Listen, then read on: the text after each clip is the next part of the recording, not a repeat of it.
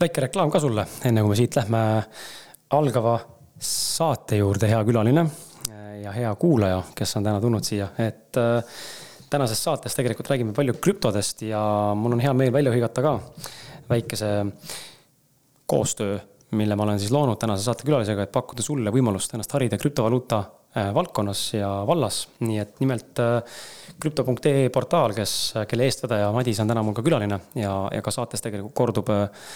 seesama reklaam eh, mõnes mõttes eh, korduvalt, siis ma tegelikult enne saate algust soovin ka sul meelde tuletada või siis anda sulle lihtsalt teada, et eh, Madis on loonud väga huvitava kursuse, kus on võimalik siis saada kõik vajalikud teadmised ja mm, oskused selleks, et enda krüptoteekonda täna alustada saaksid, on ta loonud siis kursuse ja see kursus on leitav siis krüpto.ee, kaldkriips krüpto, sidekriips abc, sidekriips kursus. Äh, veebilingilt ja kursuse tavahind on üheksakümmend seitse eurot, kuid minu koodiga kriskala kolmkümmend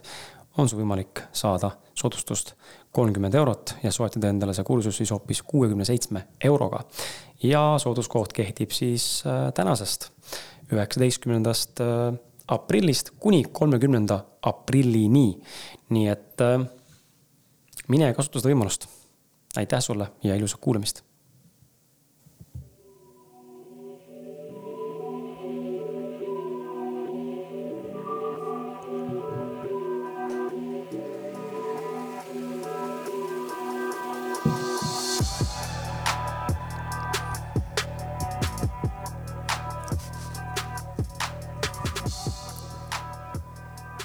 hei, hei, tere tulemast äh, kuulama järjekordset äh, episoodi Kris Kala podcast'i repertuaarist. mina olen Kris, tervitan sind äh, järgnevasse saatesse. ma kohe vaatan huvi pärast, millal viimane saade ilmus, et ma sulle siin mingit džiberissi välja ütlema ei hakka. ja kõik oleks ikkagi asjakohane ja relevantne. Endagi huvitav teada, mul on tunne, et sihuke kuu aega on jälle olnud väike paus sees ja eks ta nii on, ma arvan, et sa hea kuulaja, kes on siin varasemalt mind äh, eelnevate aastate jooksul korduvalt järjepidevalt äh, usinasti kuulanud. see on hakanud vaikselt ümber harjuma ka selle mõttega ilmselt, et mingil põhjusel viimasel ajal ei ole neid salvestusi enam nii regulaarselt äh, kui võib-olla varasemalt. nii, aga mul ei taha ära laadida, nii et selles mõttes ei ole hullu, siis on siis on nii ähm, ja ma ei oskagi sulle öelda, kakssada viiskümmend viis episood äkki on nüüd käes, ma tegelikult teen kiire check-out ikkagi Facebooki kaudu ka. Äh, just, kakssada viiskümmend kuus, nii, kakssada viiskümmend kuus episood on ette kätte jõudnud. ja viimane saade oli tõepoolest avalikuks kakskümmend kaks veebruar. seega meil on isegi kaks kuud varsti möödas sellest saatest. Äh, ja nii ta on, et äh, mul on tegelikult veel tulemas saateid siin lähiajal mm,, paar ingliskeelset ja ja paar eestikeelset, aga lihtsalt äh, külalistega saateaegade kokkuleppimine ja, ja selle päriselt ära salvestamine, selle ist-, maha istumine, selle aja võtmine, see on äh, mõnes mõttes äh, mm, keerulisem kui võib-olla varasemalt, et muid tegevusi on ka ja, ja fookus on tõesti mujal. aga neid saate ma ikkagi aeg-ajalt sulle loon, sest et noh sisu, mida rääkida tegelikult on alati ja, ja tegelikult mulle endale meeldib endiselt salvestada. aga, aga lihtsalt mitte enam sellise sageduse juures ja ma olen tegelikult oma fookuse võtnud juba rohkem ka coach'i suunas ja kes teab, siis on ka meil startup stuudio, kus me täna küll kahjuks ei salvesta. aga kes tahab, siis saab vaadata ruum.com ja saab tulla meile külla salvestama siis podcast'i kvaliteetselt ja, ja efektiivselt koos kaamerate ja videopildiga ehk siis audiovisuaalselt. aga lähme tänase saate juurde tegelikult enne kui läheme saate juurde, ma korra igaks juhuks äh, hoiatan ka, et mina olen täna veel natukene äh, tõvisem häälest, võib-olla sina kuulaja võib-olla saad aru. nüüd ma juba olen inimese moodi. Äh, Madis, vahepeal ma olin päriselt siin paar nädalat tagasi, jäin lihtsalt haigeks. ja ma olin, mu hääl kõikus, ma olin vahepeal nagu Tiit Trofimov, kes on siukse madala karu häälega ja siis teinekord olid sellise kõrge nagu see Frozen Elsa multikast, et või Frozen multikate Elsa hääl, et see lihtsalt kõikus ja hääl oli täitsa ära, et täna hakkab tagasi tulema, köha vindub vaikselt. ma ei tea, kas mul oli Covid teist korda mitte, ma ei oska sulle öelda, ma ei teinud testi. aga mingid sümptomid natukene nagu on äh, sarnased sellele, mis oli tookord äh, võib-olla siin aasta-poolteist tagasi, nii et ma ei tea ja tegelikult lõppude lõpuks pole vahet, on mul see Covid või isegi mitte Covid, who cares, kopsupõletik või muu asi, tegelikult pole vahet, inimene lõpuks ikka terveks. ja mina vabandan, kui mu hääl ära on või ma vahepeal köhatan. ja niimoodi teen ka, sest et mingi asi tekib kurku. aga tead, haigused on huvitavad teemad, täna sellest me küll ei räägi, aga millal sa viimati, Madis, haige olid? kusjuures äh, mina olin ka võrdlemisi hiljuti, ma pakun, et selline poolteist kuud tagasi ja ka üsnagi sarnane sinu nii-öelda siis äh, haiguslooga sinu kirjelduse põhjal, et äh, see võis samamoodi olla Covid, aga täpselt nagu sa ütlesid, et vaat ei ole, nüüd olen terve ja elu läheb edasi. Ja see on huvitav jah, et ma olen ise üsna harva haige, aga ma olen viimase kahe, kahe poole kuu jooksul olnud kaks korda haige. ühe korra lühemalt, paar päeva nagu tavaliselt ja nüüd siis pikemalt, kus mul oli no ütleme, täna on teine nädal, kus ma tunnen, et noh, normaalne olla, aga mingid asjad ikkagi veel taustal kuskil kerivad. mingi krõps on sees, on ju? jah, midagi nagu ikkagi häirib ja nagu segab taustal. ma olen äh,, hakkan nüüd nagu seda asja vaatama teise pilgu läbi ka. ma olen enda jaoks leidnud äh, huvitava mm, pidepunkti ja ma ei tea, kas see vastab ka sinu elus tõele, Madis, või mitte, aga, või meie kuulajate elus samamoodi, aga ma märkasin, et äh, mõlemad viimased haigused ei ole olnud mul puhtalt siis ähm,, ei ole seotud kuidagi külmetusega ega mõne muu viirusega otseselt. aga see algus, stardipauk on saanud alguse ähm, solvumisest või pettumisest või hingevalust nii-öelda siis, ehk siis ma olen haiget saanud mm -hmm. emotsionaalselt. vahet pole, mis siis tingimustega, kas kellegagi rääkides või, või, või on midagi juhtunud sellist, mis on pannud mind mm, tundma siis keha reageerima nii-öelda biokeemiliselt. Järgmisel päeval siis lööb välja kas oh, köha või mingi asi, millel tegelikult on ka Hiina meditsiini, ütleme sihukese alternatiivse holistilise vaate poole pealt tegelikult on ka seos, et äh, nohu väidetavalt on siis solvumismärk ja köha ja kurgu teemad on siis väljaütlemata asjad. ja siis see nagu kulmineerunud edasi. Ja nüüd oli samamoodi, et ähm, teatud äh, põhjusel mul siis ähm, hakkas pihta mingi asi ühel päeval ja siis paar päeva hiljem lugesin ühte raamatut, äh, raamatu nimi on vist, mu, su keha räägib sinuga, ma autorit ei mäleta ja seal toodi välja sama asi, mis ma just kogesin, siis vaatasin, holy shit, huvitav, kas see on nagu seos. noh, ma enda jaoks võtsin selle seose, sest tundus täiesti relevantne. aga siis ta nagu kandus edasi millekski muuks ja võib-olla tekkiski lõpuks siis viirus, kas siis stressist või millest muust iganes juurde. aga see alguspunkt oli hoopis nagu selline psühhosomaatiline. nii et ähm, vaatame, äkki saame täna ka rääkida sellest, kuidas on seotud kauplemine ja psühhosomaatiline seisund või emotsionaalne pool, sest need kindlasti on omavahel seotud ja seal on omad pooled täna võtame teemaks ette tõepoolest üle pika aja mm.. kohe huvi pärast tegelikult tahaks vaadata, aga ma jäängi, ma jäängi seda scroll ima, ma pakun, et viimane kord ma rääkisin krüptodest. Äh, ma julgen arvata, et üks paarkümmend episoodi tagasi ja see oli Asse Saugaga. ja, ja see ei olnud ka Asse Saugaga minu meelest mitte minu epis-, minu podcast'i alt, vaid üldse mu teise podcast'i, Cleansify Eesti podcast'i alt. ja rääkisime rahast ja üldse sellisest vaimsusest ja krüptost ja ja sellest teemast natuke nagu teistsuguse nurga alt, aga täna lähme sinuga väga tava, äh, selles mõttes krüptomaailma vaate poole ja räägime puhtalt krüptodest ja, ja krüptorahadest, NFT-dest, maailmarahandusest ja tegelikult ka kursusest, mida sa teed ja üldse, mis sa tegelikult teed oma platvormiga. ja, ja üldse tuleb väga palju huvitavaid vestluseid, sest et äh, krüpto on äh, midagi, mida mina enda elust ei ole ka suutnud veel välja visata. ükskõik kui väga ma seda ka mingi hetkel ei ole püüdnud teha. me jõuame selleni võib-olla ka saate jooksul, miks.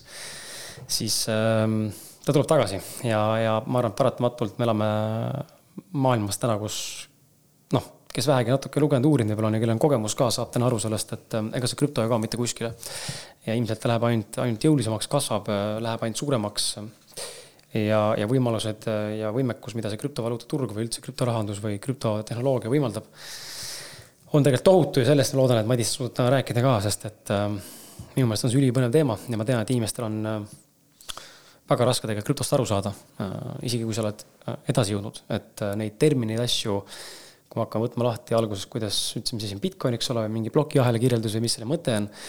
siis noh, need on sellised mis on õpitavad ja alguses juba on keerulised, aga saad aru sellest, aga ka ütleme, pidevalt krüptomaailmas olles tuleb kogu aeg nii palju uusi asju juurde. mul endal täna samamoodi segadused, et ma, ma, mingi hetk tundsin, et ma lihtsalt ei suuda enam kaasas käia, sest et neid uusi termineid, millega kursis olla, mida mingi asi tähendab, millega ta seoses on see oli lihtsalt overwhelming ja, ja see tundub, et see on niisugune valdkond, äh, võib-olla natuke nagu, nagu tervise toitumine ka, mis on niivõrd lõputu valdkond. et kui sa sellega kogu aeg kaasas ei käi ja, ja tekib väike paus sisse, siis sa oled sisuliselt jälle tagasi nagu level one. Et äh, jah, see tuleb sul tagasi, kui hakkad uuesti uurima, aga sa kukud nagu väga jõuliselt tagasi sinna sellisesse mingisugusesse algstaadiumisse, algfaasi, kus sul on nagu null teadmisi, hakkad ennast uuesti üles ehitama, et sa pead. mulle tundub, et krüptoga tegelemine vajab äh, igapäevaselt sellist konkreetselt selle info tulvas ja vallas olemist, et sellest päriselt paremini aru saada ja kaasas käia. kas ma eksin, kui ma seda väidan või kuidas sina tunned seda räägi samal ajal taustale ka siia, et ähm, mis sinu see valdkond üldse on ja, ja taust, et äh, kuidas üldse jõudsid krüptodeni ja, ja mis sa nagu arvad sellest minu mõttest, et krüpto peab käima kogu aeg kaasas, vastasel juhul see kaob nii-öelda sinu võib-olla, ma ei teagi, mõtteavarusest mingil tasandil välja? Äh, ma mingil määral nõustun sinuga ja samas ka mitte. et äh, kindlasti on, on krüptorahadega nagu ka kõikide muude teemadega võimalik minna väga sügavale sinna jäneseurgu ja, ja uurida ja puurida mm, nii-öelda väga detailideni ja rohujuure tasandile. aga mina isiklikult, nii palju kui ma oma sõprade-tuttavatega vestlen ja räägin, siis, siis ma näen ikkagi, et just selline põhifookus ja on, on tegelikult natuke nagu jäänud mõistmata või on vales kohas. et, et ma pigem just näen, näen, et, et rohkem aitaks see, kui inimesed mõistaksid paremini seda nii-öelda neid krüptorahade ja plokiahela alusväärtusi ja, ja sealt edasi juba minna väga detailseks, noh, see on igaühe nagu isiklik valik. aga, aga mina ikkagi just näen, et, et sellised äh, algtõed on, äh, on siis mingil põhjusel sellised segased ja eks me jõuame ka sinuga rääkida, miks see nii on. aga siis sinu, äh, küsisid ka siis minu tausta kohta, et krüptorahadeni, kuidas ma jõudsin, kuulsin ma Bitcoinist esimest korda kuskil kaks tuhat neliteist aasta paiku ja siis ma tegelikult sellest väga aru ei saanud. me sõbraga tol hetkel siis äh, kaevandasime seda või noh, tegelikult kui ma nüüd õigesti mäletan, me ei kaevandanud Bitcoini ega mingit teist krüptoraha. ja te-, ja see oli tol hetkel lihtsalt selline mingi põnev mäng, et oo oh,, mingisugune, mingi virtuaalne raha noh, mingit suurt pilti ma, ma ei näinud, ma sellest aru ei saanud, see oli lihtsalt niisugune, et oo lahe, et mingil asjal on mingi väärtus, et äh, paned graafikakaardi tööle ja kaevandad, et oh, kihvt, on ju. ja siis oli muidugi mitu aastat niisugune äh, karuturg, Bitcoin kukkus, ma unustasin selle teema mitmeks aastaks ära, kuna, kuni siis äh, kaks tuhat võib-olla seitseteist tuli see nii-öelda uuesti, järgmine nii-öelda suurem turutsükkel tuli ta uuesti teemaks ja siis ma hakkasin natuke nagu juba põhjalikumalt uurima, et, et miks ikkagi sellisele asjale väärtust omistatakse, millal ta baseerub ja nii edasi ja nii edasi. ja sealt edasi siis juba mm, kuni see, kuna see teema mind väga huvitab, siis, äh, siis ma juba nägin, et Eesti maastikul on, on nii vähe igast äh, infot äh, selle kohta ja siis tuligi mul mõte luua selline infoportaal krüpto.ee, kuhu ma siis postitan mm, päevakohaseid, asjakohaseid uudiseid ja, ja annan ka siis lugejale mm, sellist, proovin teda viia kurssi sellel teemal ja, ja sealt olen ka teinud edasi mm, siis äh, online kursuse, mis on just mõeldud just sellisele mm, algajale või, või vähem siis kokku puutunud krüptomaailmas inimesele. tuleme korra selle kaevanduse juurde ka, et äh, kui me püüame lihtsasti inimesele seletada, siis kaevandamine põhimõtteliselt tähendab seda, et arvutid lahendavad äh, matemaatilisi mingisuguseid võrrandeid, mille tulemusel siis süsteem, krüptovõrgustik pakub siis vastava coin'i või mündi münti sulle vastu või, või kuidas seda lihtsalt seletada, inimesel oleks võimalik? jaa, tegelikult see, see, see arvutus, mida ta, matemaatiline tehe, mida ta lahendab, see on täiesti abstraktne, see on noh, kuulaja võib ette kujutada mingit hiiglaslikku suudokut, mingi sada tuhat välja, see on, ja ta, ja, ja seda pakutakse lihtsalt katse-eksitusmeetodil ja kogu selle matemaatilise ülesande mõte on lihtsalt, et et see, et kaevandajad teeksid tööd ja kulutaksid selle peale energiat et seal ei ole mingit muud mõtet, et, et see, see nagu matemaatiline protsess ei anna mitte midagi. -hmm. ja eks me jõuame veel rääkida, miks see nii on, aga, aga põhi nii-öelda vajadus kaevandamisele on see, et ta teeb võrgu turvaliseks. ja, ja noh, sealt juba lähme edasi, miks on krüptograafia ja nii edasi, aga, aga see on nagu noh, kui kuulaja laias ma-, laias pildis on vaja selgeks teha, mis asi on kaevandamine, siis see on tegelikult võrgu turvalisuse huvides. okei okay okei okay, äh,, mäletan, kui mina esimest korda krüptoga kokku puutusin, äh, ma arvan, et see oli aastal äh, tiba hiljem kui sina. Äh, mäletan, ma olin Euroopas reisil Hispaanias sõbra juures külas, kes enda vennaga elas Hispaanias tol hetkel mingil perioodil ja tegelesid äh, Tron, Tron mündi kaevandamise ja kauplemisega Binance keskkonnas ja mäletan, et tegid päris suuri summasid endale seal mitmete erinevate, noh, kuna ilmselt oli see ka buumihetk, ma arvan, tõenäoliselt väga paljudel altcoin'idel ehk siis alternatiivsetel müntidel, mis ei ole nii-öelda need suured mündid. ja ma mäletan, mis mitte siitagi aru. noh, istuvad arvutis peadpidi onju ja mul tekkis tohutu huvi, ma mäletan nagu, et vau wow,, mingid virtuaalsed mingi värgid, et noh, aktsiatest oli kuulnud eelnevalt, aga et krüptod, mingid asjad ja ja muud varad ja asjad ja siis mõtlesin, et oo, päris kihvt, et mingid mündid, värgid ja platvormid ja, ja mingi asi siin kaevandab ja mingi vend siin teeb tehinguid ja siis hind tõuseb, hind kukub, eks ole, portfell kasvas lambist päevaga mingi viis tuhat on ju, kuidas see nagu holy shit, mis toimub, mis. Nad on mingid megasuurte summadega, kuidas see üldse võimalik on, tundus mulle selline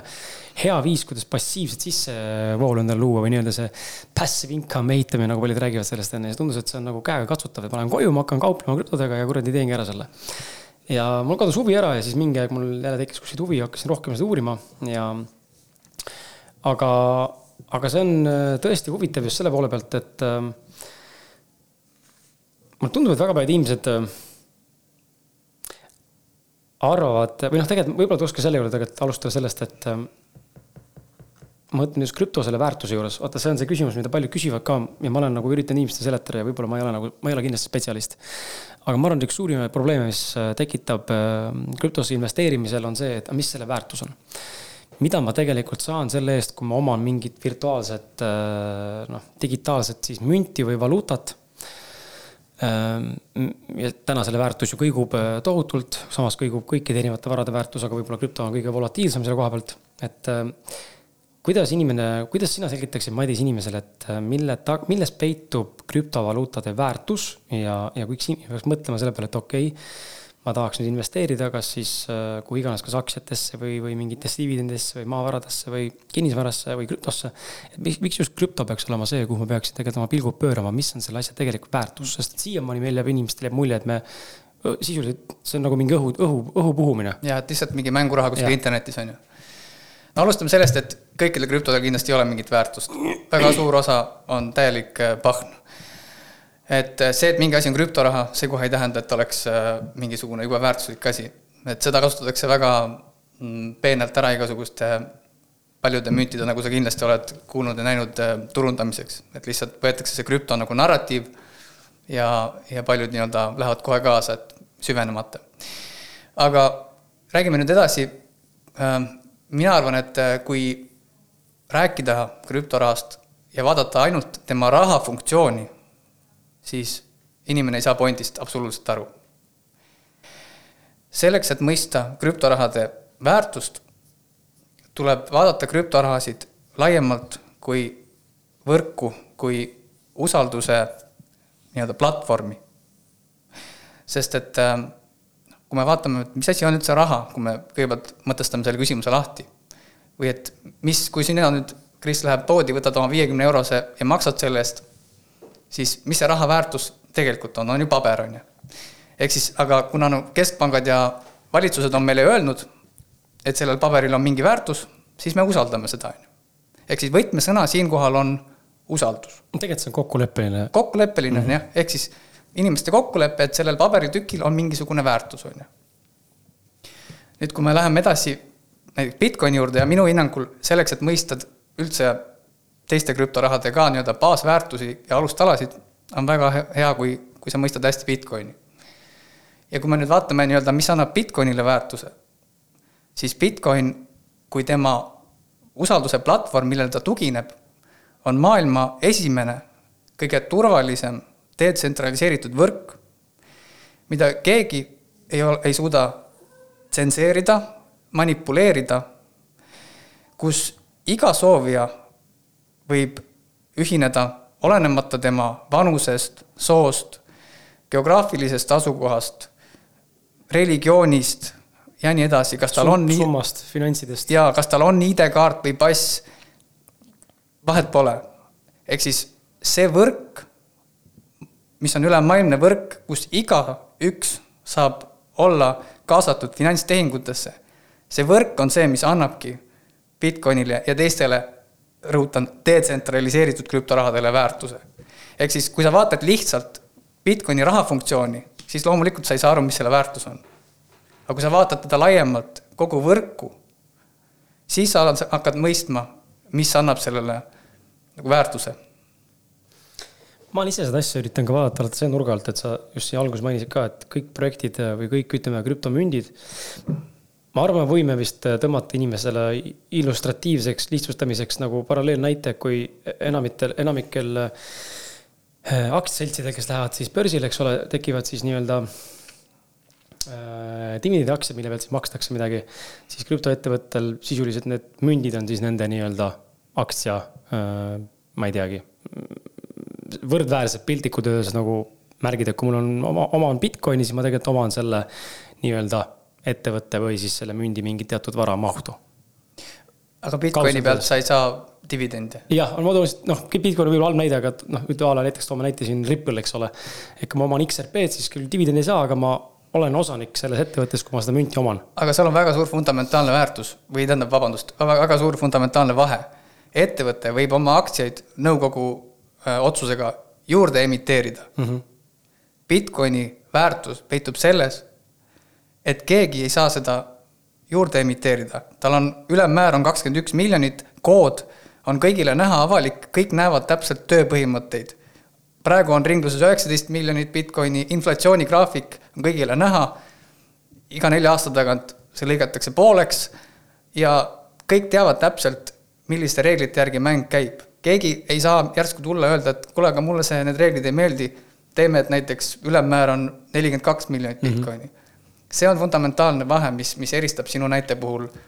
aktsiaid firma puhul ja, ja Bitcoin, mis on detsentraliseeritud. ehk siis, kui miski on nii-öelda krüptovaluuta võrgustikus äh, lukku löödud, siis seda piltlikult öeldes muuta ei saa? seda saab, noh, niiviisi ei saa ka päris öelda, et seda üldse muuta ei saa. aga see käib läbi kogukonna, ehk siis äh,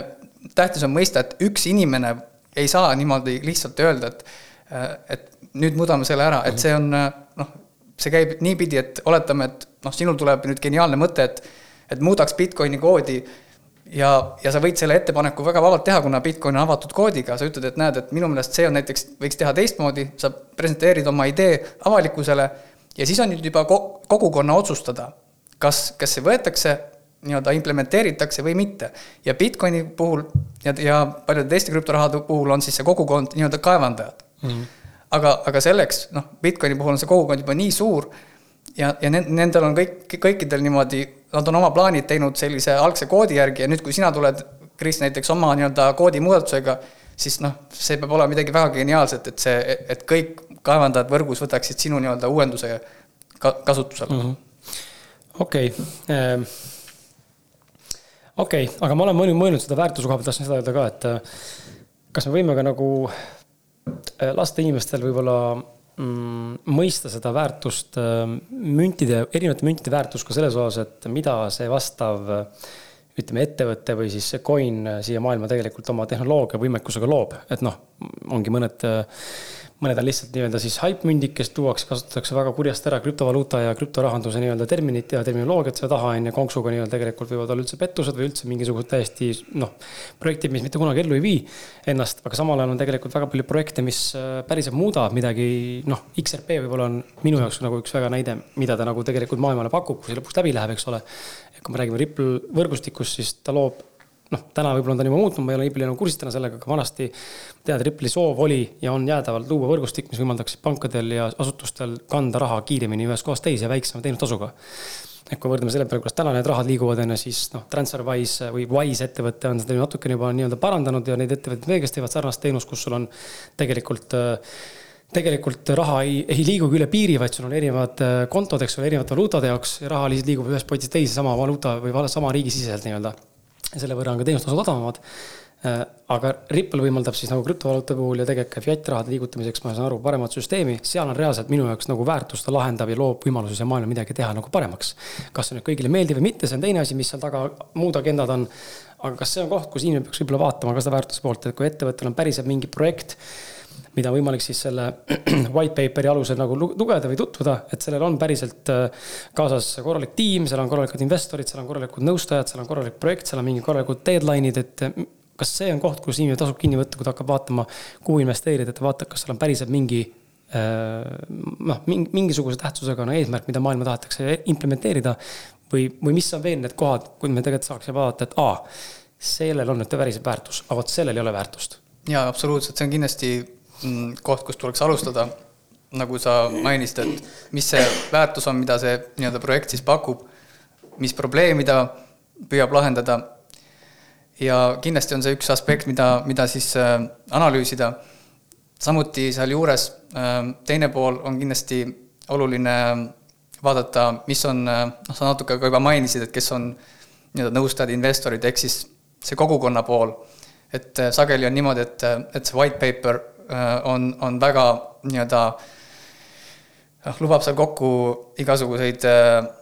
mm, seal pudrumägesid ja, ja piimajõgesid, aga, aga kui, kui nagu hakata lähemalt uurima, et mis nii-öelda kogukond seal üldse ümber on, kui palju on selle projekti üldse kasutajaid, siis, siis selgub, et see võib-olla on lihtsalt selline ilus jutt, on ju. ja, ja kolmand-, kolmas aspekt, mis on kindlasti oluline, on, on siis, mida nimetatakse nii-öelda tokenomiikaks või siis nii-öelda majanduspool, kus, kus, kus on mis tuleks ka tegelikult vägagi põhjalikult läbi vaadata, et mis, mis on siis need kõik müntide pakkumised, mis on, kui palju münte üldse emiteeritakse, mis graafiku alusel neid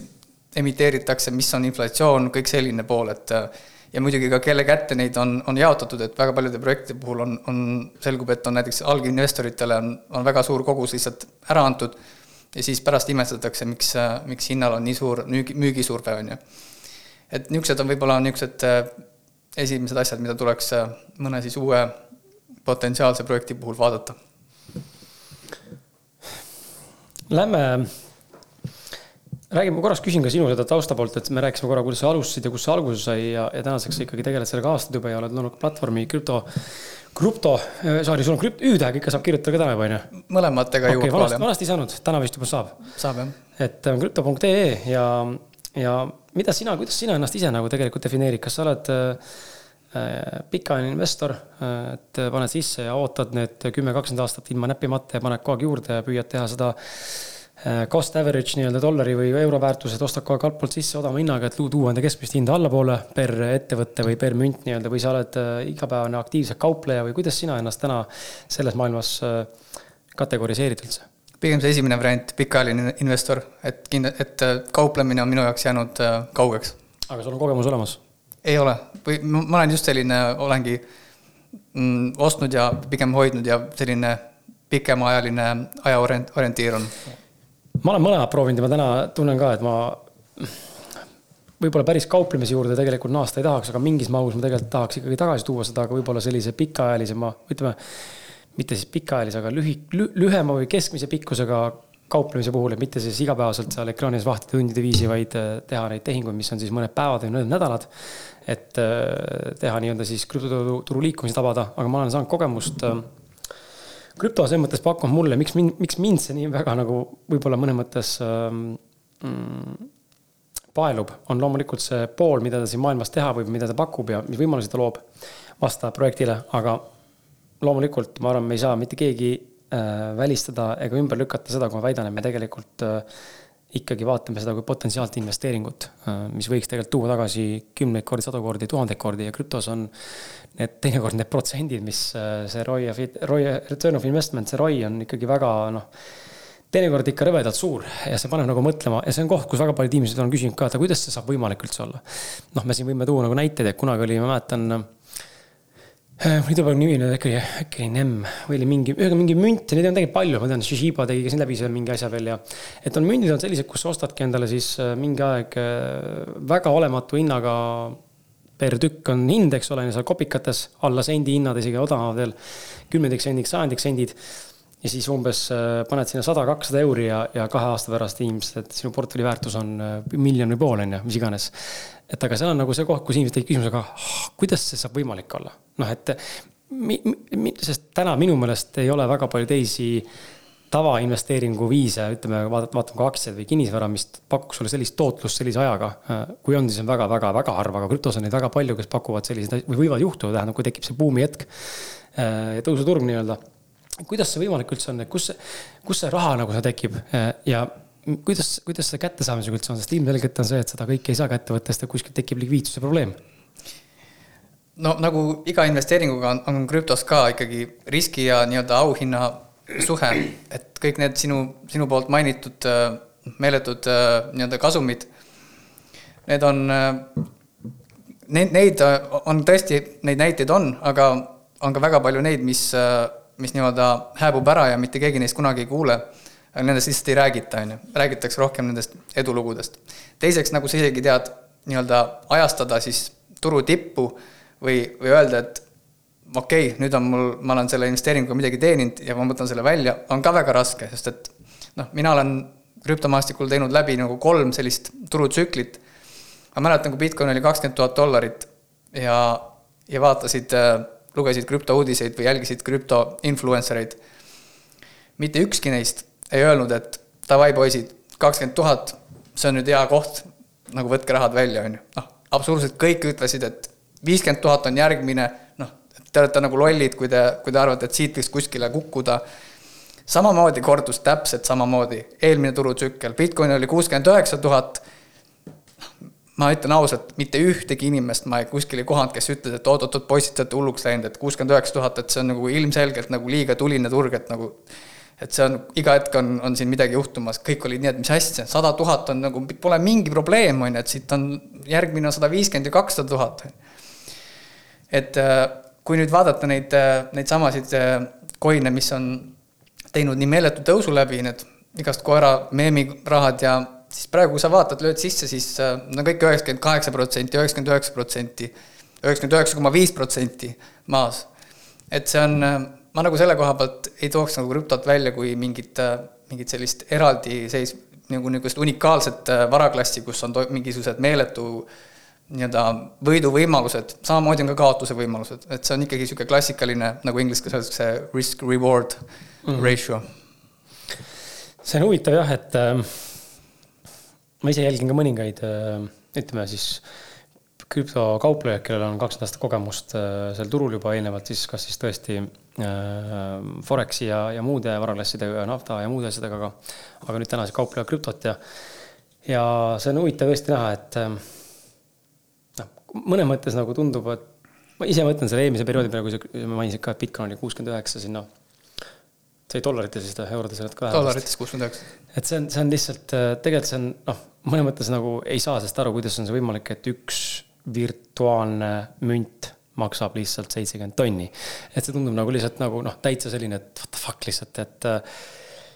noh, ja see, see tekitab minus äh, selle küsimuse ja ma tean, paljud on küsinud ka sellele ja mõtisklenud, vaata kuna Bitcoin ja Ethereum on esimesed, mis ühed suurimad, eks ole, täna ja Bitcoin on üks üldse esimestest või noh, esimene münt, mis tegelikult tuli ja on ja tänaseni püsib ja on ehitanud üles võimalused, mille peale saab ehitada teisi münte.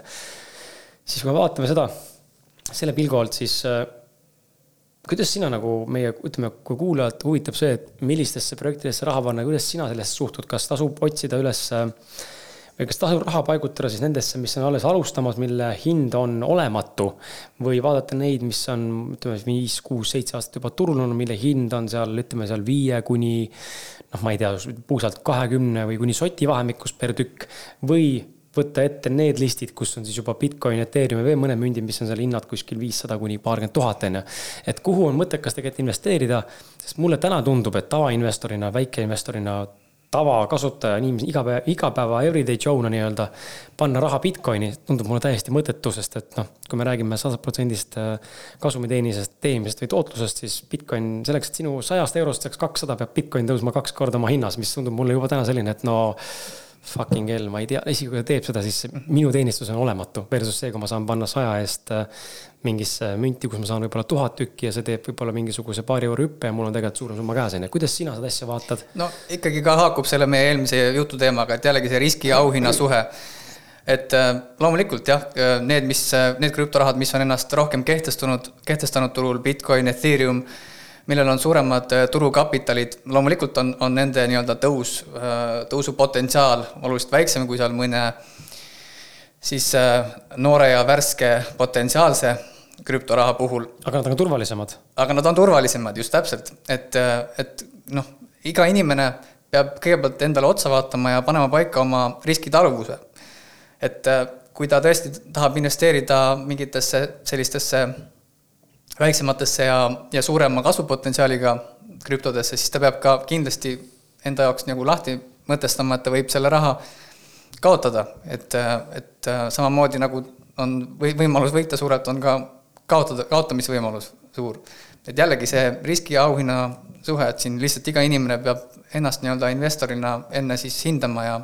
ja selle järgi siis lähtuma, kas ta tahab rohkem nii-öelda konservatiivsematesse kohtadesse oma raha panna või tahab rohkem nii-öelda siis äh, natuke ka mängida mm. -hmm. räägime korra siin sellest, et äh, räägime eksiarvamustest või levinud müütidest krüptovaluutade kohta, et siin mõned üksikud tegelikult sai läbi käidud küll, aga kas on midagi sellist äh,, oskad sa välja tuua mõned üksikud äh, näited või pidepunktid, äh, mille osas avalikkuse või ütleme, tava, tavaklassikaline meedia või kollane meedia või selline suur meedia, korporatiiv on teinud selles mõttes karuteene, et äh, näidatakse krüptot halvas valguses või mingi läbi müütide, sest me teame, et meedia on väga kallutatud, teinekord see narratiiv on väga kallutatud. eriti kui me vaatame seda, kuidas täna krüptovaluuta mõjutab maailma pangandust ja, ja majandust tegelikult, mis absoluutselt vähemalt ütleme viis, seitse aastat tagasi või isegi mõned aastad tagasi kellelegi väga ei meeldinud ja ilmselt ei meeldi ka tänaseni, aga ollakse valmis juba rohkem võib-olla olema avatud sellele tegelikult mul on endal oma, oma agenda taga, et see kõik tundub olevat üks suur mäng lihtsalt. aga oletame, et kui seal ei ole sellist äh, vandenõuteooriat taga, siis mulle tundub, et hakatakse vaikselt aru saama, et okei okay,, on aeg hakata adapteeruma, sest inimesed tahavad rohkem saada alternatiivi, inimesed rohkem usaldavad krüptot, see on ennast tõestanud rohkem, eks ole, siin aastatega. Äh, võib-olla küll mitte nii pikalt kui äh, tavaaktsiad ja muud varaklassid, aga ta ikkagi on juba pidevalt olemas olnud, ta ei kao mitte kuskile et äh, millised on need suurimad müüdid, mida sa näed, millest inimesed tegelikult, millest inimesed valesti aru saavad ja, ja mis on need kohad, kus sa tunned, et tegelikult võiks inimestele anda nagu mõnes mõttes aimu ja, ja harida, et asi on tegelikult palju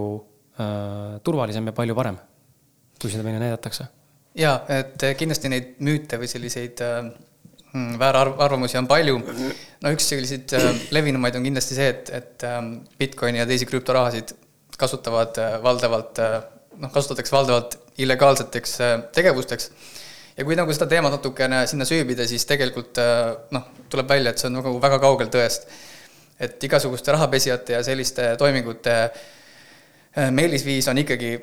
sularaha ja, ja kuna, ja krüptorahad ei ole üldsegi nagu esirinnas selles vallas ja sellest on ka väga palju nii-öelda raporteid tulnud, et, et see protsent on tegelikult kaduvväike, sest et just krüptorahade puhul jääb ikkagi ju plokiahelale jälg ja on väga palju ka juba viimasel ajal näiteid, kus, kus just läbi, läbi selle krüp-, selle, mööda seda jälge pidi on väga paljud näiteks häkitud siis varastatud krüptorahad kätte saadud, ehk siis kuskilt ikkagi peab see, see, see varas või see häkker nii-öelda lõpuks selle raha nii-öelda välja võtma, kui ta tahab seda kasutada mm. -hmm. ja, ja see on juba päris suur tööstus ka, nii-öelda selline plokiahela uurimine kust äh, minnakse vägagi äh, süvitsi ja, ja leitakse, leitakse väga sageli ka need ähm, siis äh, illegaalselt tegevuselt saadud rahad kätte, et. juhul, kui just ei teki võimalus, kus saab maksta krüptorahas siis? Kuigi seal ilmselt ka võivad ka tekkida probleemid, kus see krüptoraha tekkis ja kus üldse üle kantakse, sest et plokiahela peal on iga viimane kui tehing avalik ja näha, ehk siis midagi nagu varjata ei saa, et et see on küll üks suur niisugune võib-olla peamine müüt. aga ma tooks ka veel siinkohal välja Äh, minu enda arvamusel see sõna krüptoraha üldsegi on natukene halb sõna. ta ei anna üldsegi edasi õigesti nagu seda kogu päris tuuma. sest et raha, elektrooniline raha oli meil ammu olemas. krüptograafia kui selline oli meil ka ammu enne krüptorahasid olemas. isegi plokiahel kui nii-öelda andmebaas, kus siis salvestatakse andmed mm,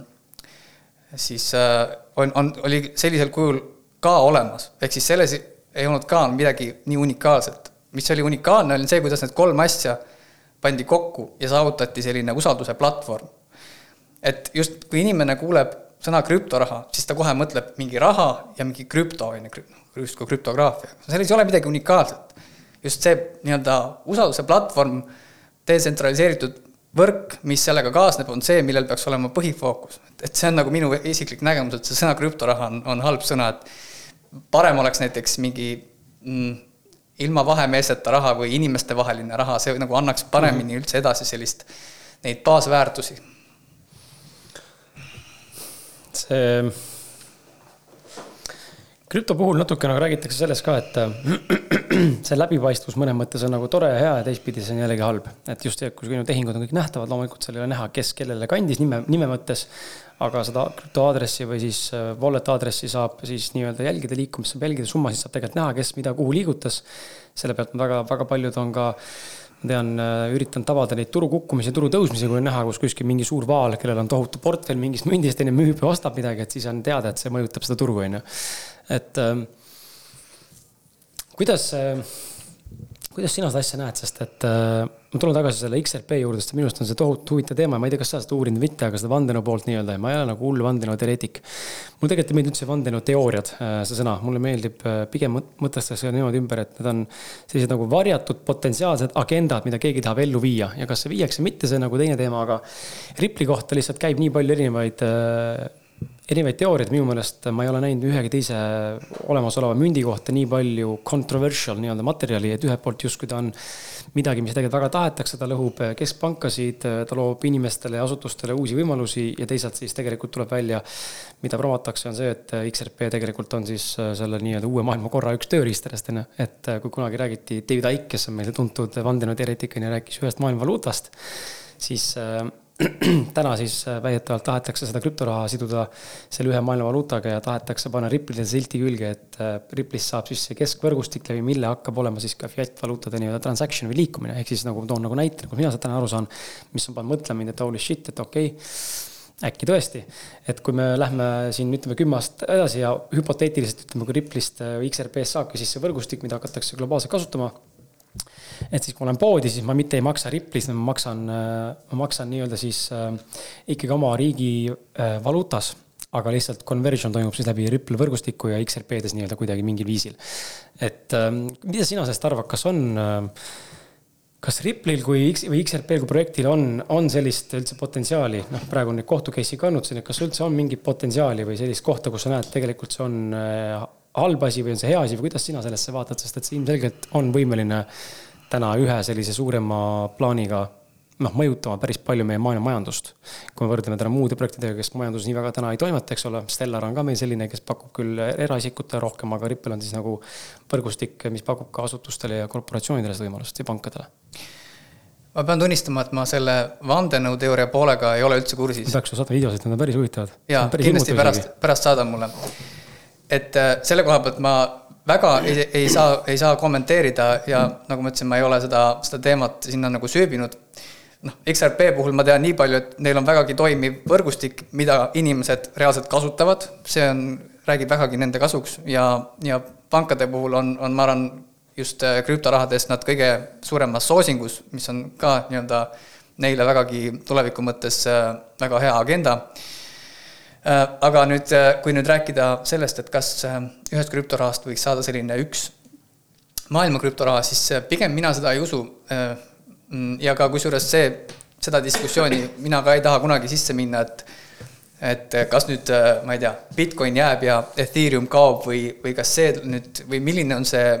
nii-öelda ülim krüptoraha, mis, mis jääb ja teised nagu siis kaovad, mina sellesse ei usu, et ma näen, et see tulevik läheb nii-öelda sarnaselt, äh, nagu meil on praegu erinevad valuutad, meil on eurod ja dollarid ja Jaapani jeenid ja nii edasi. et samamoodi jäävad ka teatud nii-öelda populaarsemad krüptorahad, millel on siis omal teatud, igalühel omal teatud nišš, kes siis on äh, äh, anonüümsemad, kes on vähem anonüümsemad, millised on üheks puhuks, mis on kiiremad, mis on, on vähem kiiremad noh, nii-öelda igale kasutajale oma siis oma krüptoraha kui näitlikult öelda, et äh, et see on nagu minu, äh, minu nägemus, kuidas, kuhu suund, kuhu suunda on see kõik, on see liikumas mm. -hmm me rääkisime alguses sellest ka, et krüpto, krüptorahade või krüptode, ütleme selline turvalisus või laialt kasutamine või usaldatavus. et kui me vaatame tegelikult täna seda, kuhu me jõudnud oleme, siis väga paljudes kohtades saab krüptodega maksta juba ja täitsa nagu ametlikult, eks ole, kui vanasti vanasti oli see probleem, et ei saanud ja ei tahetud seda teha ja võib-olla ei taheta ka täna mingil mahul seda tegelikult teha, sest ma saan tegelikult aru sellest, et äh, endiselt on seal äh, see, see oht, et eks ole, kuna ta on niivõrd äh, kõikuva äh, olemusväärtusega, ehk siis kui ma täna ostan sinult klaas vett Bitcoinis, siis sellel on hoopis homme hoopis teine, homme, see on juba tunni või vähem isegi pärast on hoopis teine hind, kui ma tegelikult maksmise hetkel tegin. et see on koht, kus võib-olla kauplejad ja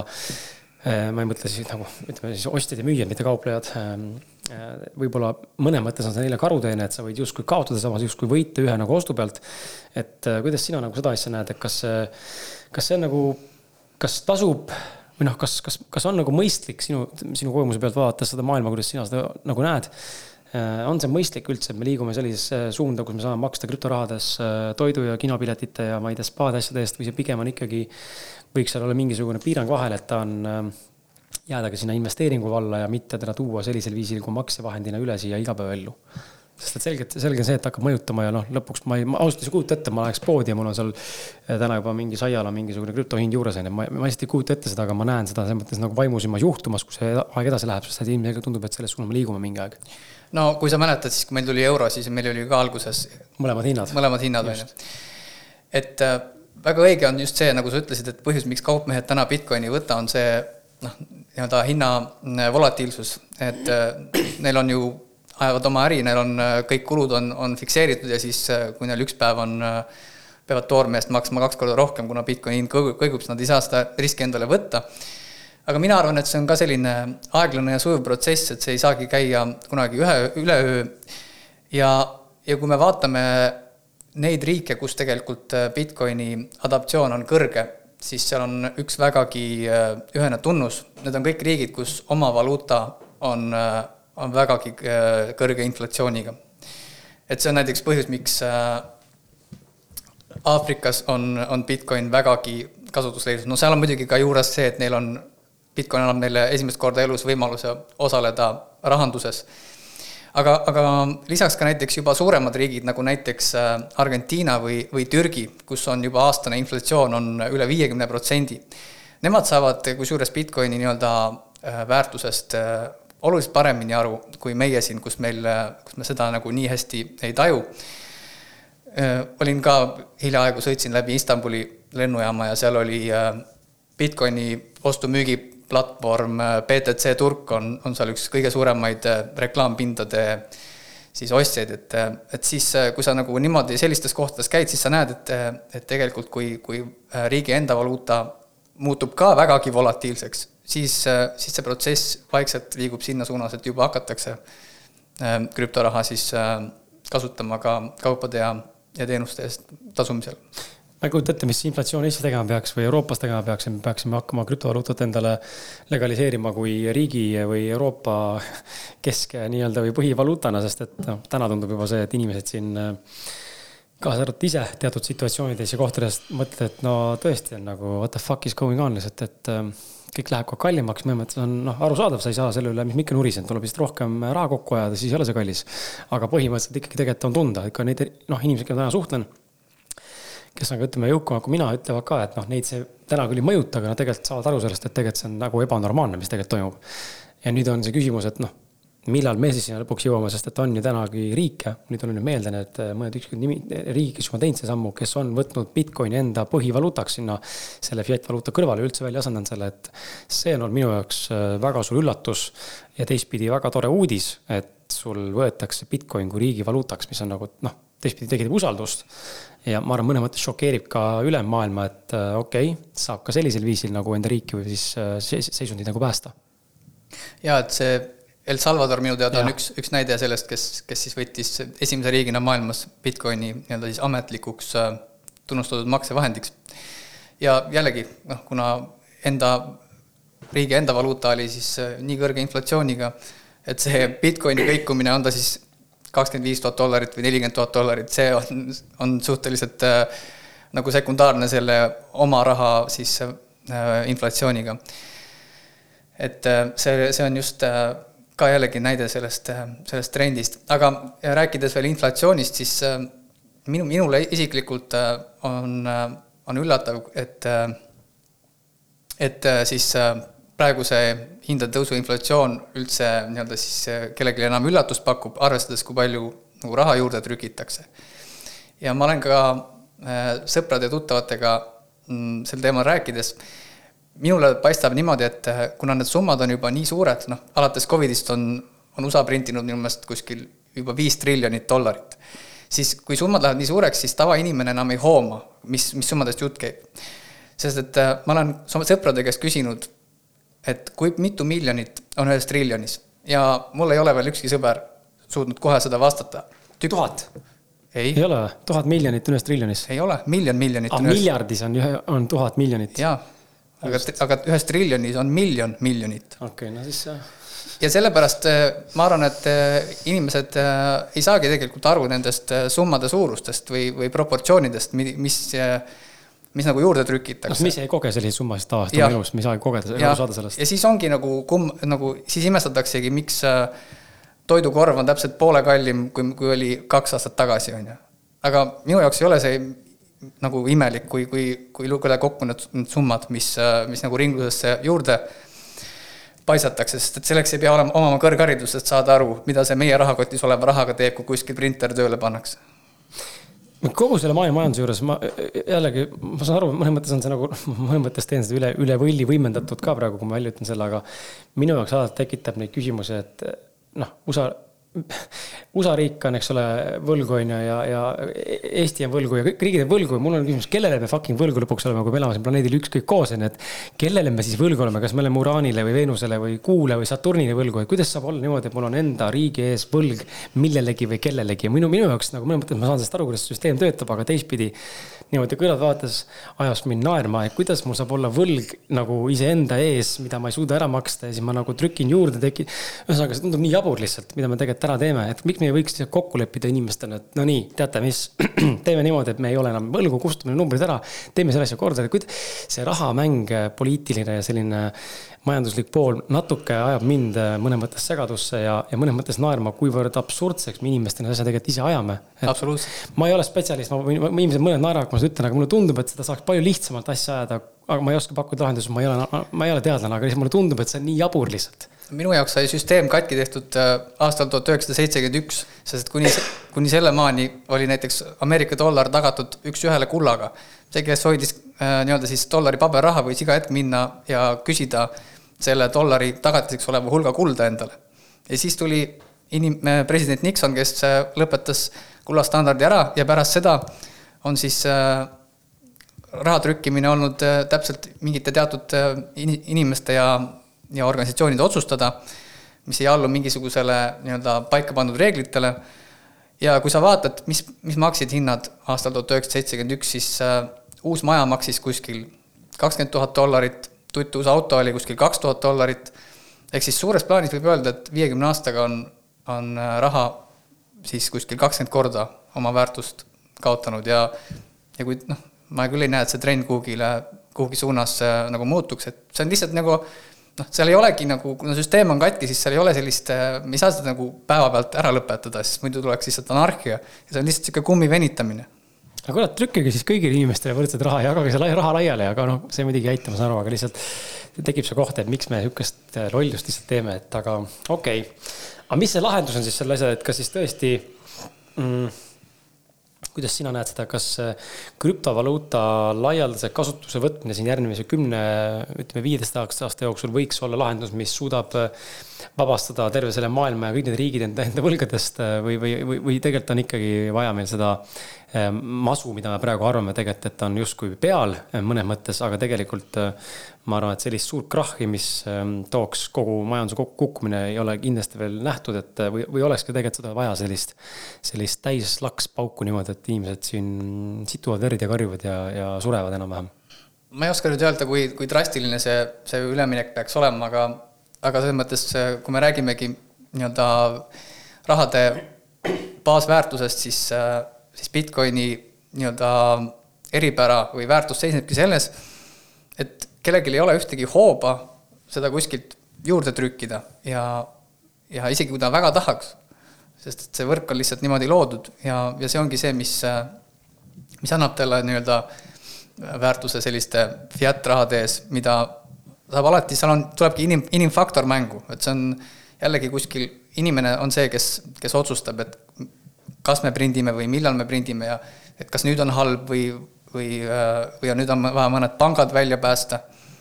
et, et see ongi just see fundamentaalne vahe. tuleme siia kõrvale korraks äh, krüpto teise haru juurde, milleks on NFT-d. Äh, see on midagi, mida jälle, ma ütlen ausalt, mul on ka raske nagu mõista lõpuni, tegelikult natuke isegi on, äh, ei, ei saa tegelikult lõpuni aru sellest, sest et ei saagi aru sellest, et ma olen ise mõelnud tegelikult ühe NFT isegi teha, mul on üks kunstnik välja valitud, kellega koos ma tegelikult teha tahaksin. Seda kaks tükki isegi, mõtlesin äh, enda podcast'i, äh, endise ausa mehe podcast'i, tänase Kris Kala podcast'i pealt tekitada siis mingite kindlate märksõnadega, kunstnik teeb mingisuguse visuaali ja siis selle teha nii-öelda siis NFT-ks ja vaadata, kas siis see müüb ka. et ähm, aga, või teha kasvõi endal lihtsalt, aga NFT on midagi, mis on viimastel aastatel saanud väga palju kõlapinda ja, ja väga paljud inimesed on sellega läbi löönud, mul, ma tean, et ähm, ma summadest ei räägi, äh, aga ma tean, et äh, Tiit Trofimovi poeg tegi väga eduka diili äh, oma sõpradega siin äh, teatud NFT kollektsiooni mahamüügiga Eestis ja kindlasti mõned eestlased veel sellega läbi löönud päris suurelt. ja me ei räägi siin neljakohalisest numbrist, me räägime ikkagi kuue-seitsmekohalistest numbritest. et äh, ja maailma tasemel need ikkagi on, need numbrid palju suuremad. et mis see kõige kallim, kõige kallim kunsti NFT maal oli seal kuuskümmend viis või isegi rohkem täna miljonit, millega ta maha müüdi, et mis asi see kurat NFT oma olemuselt olema peaks, miks ta nii populaarne täna on, et kõik ostavad mingisuguseid virtuaalseid, ma ei tea, siis noh, ma saan aru, et NFT võib olla mis iganes äh, virtuaalne looming, olgu ta siis podcast'i helifail, pilt, äh, muusikapala, video, ma ei tea, kihv, pilt. et mis asi see NFT oma olemuselt on, miks ta nii popp on ja, ja kuidas sina seda nagu näed, et ähm, kas sellel on päriselt see väärtus, mis nende eest asjadest küsitakse või see on lihtsalt mingisugune buum ja haip, mis äh, siin järgmise mõne aastaga lihtsalt välja sureb? jaa, see on väga hea küsimus. et NFT-de puhul siis tulebki aru saada, et jah, tegemist on krüptovaraga, ta on plokiahela peal, kus siis iga individuaalne NFT on äh, unikaalne. ta siis, nagu sa juba mainisid, võib, võib tähistada mõnda kunstiteost või äh,, või ka muusikafaili, nagu sa täpselt mainisid. aga siin ongi nüüd väga oluline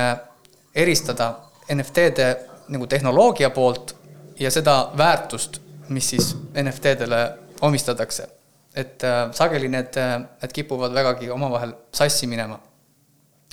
ma mäletan äh,, aasta oli kaks tuhat seitseteist,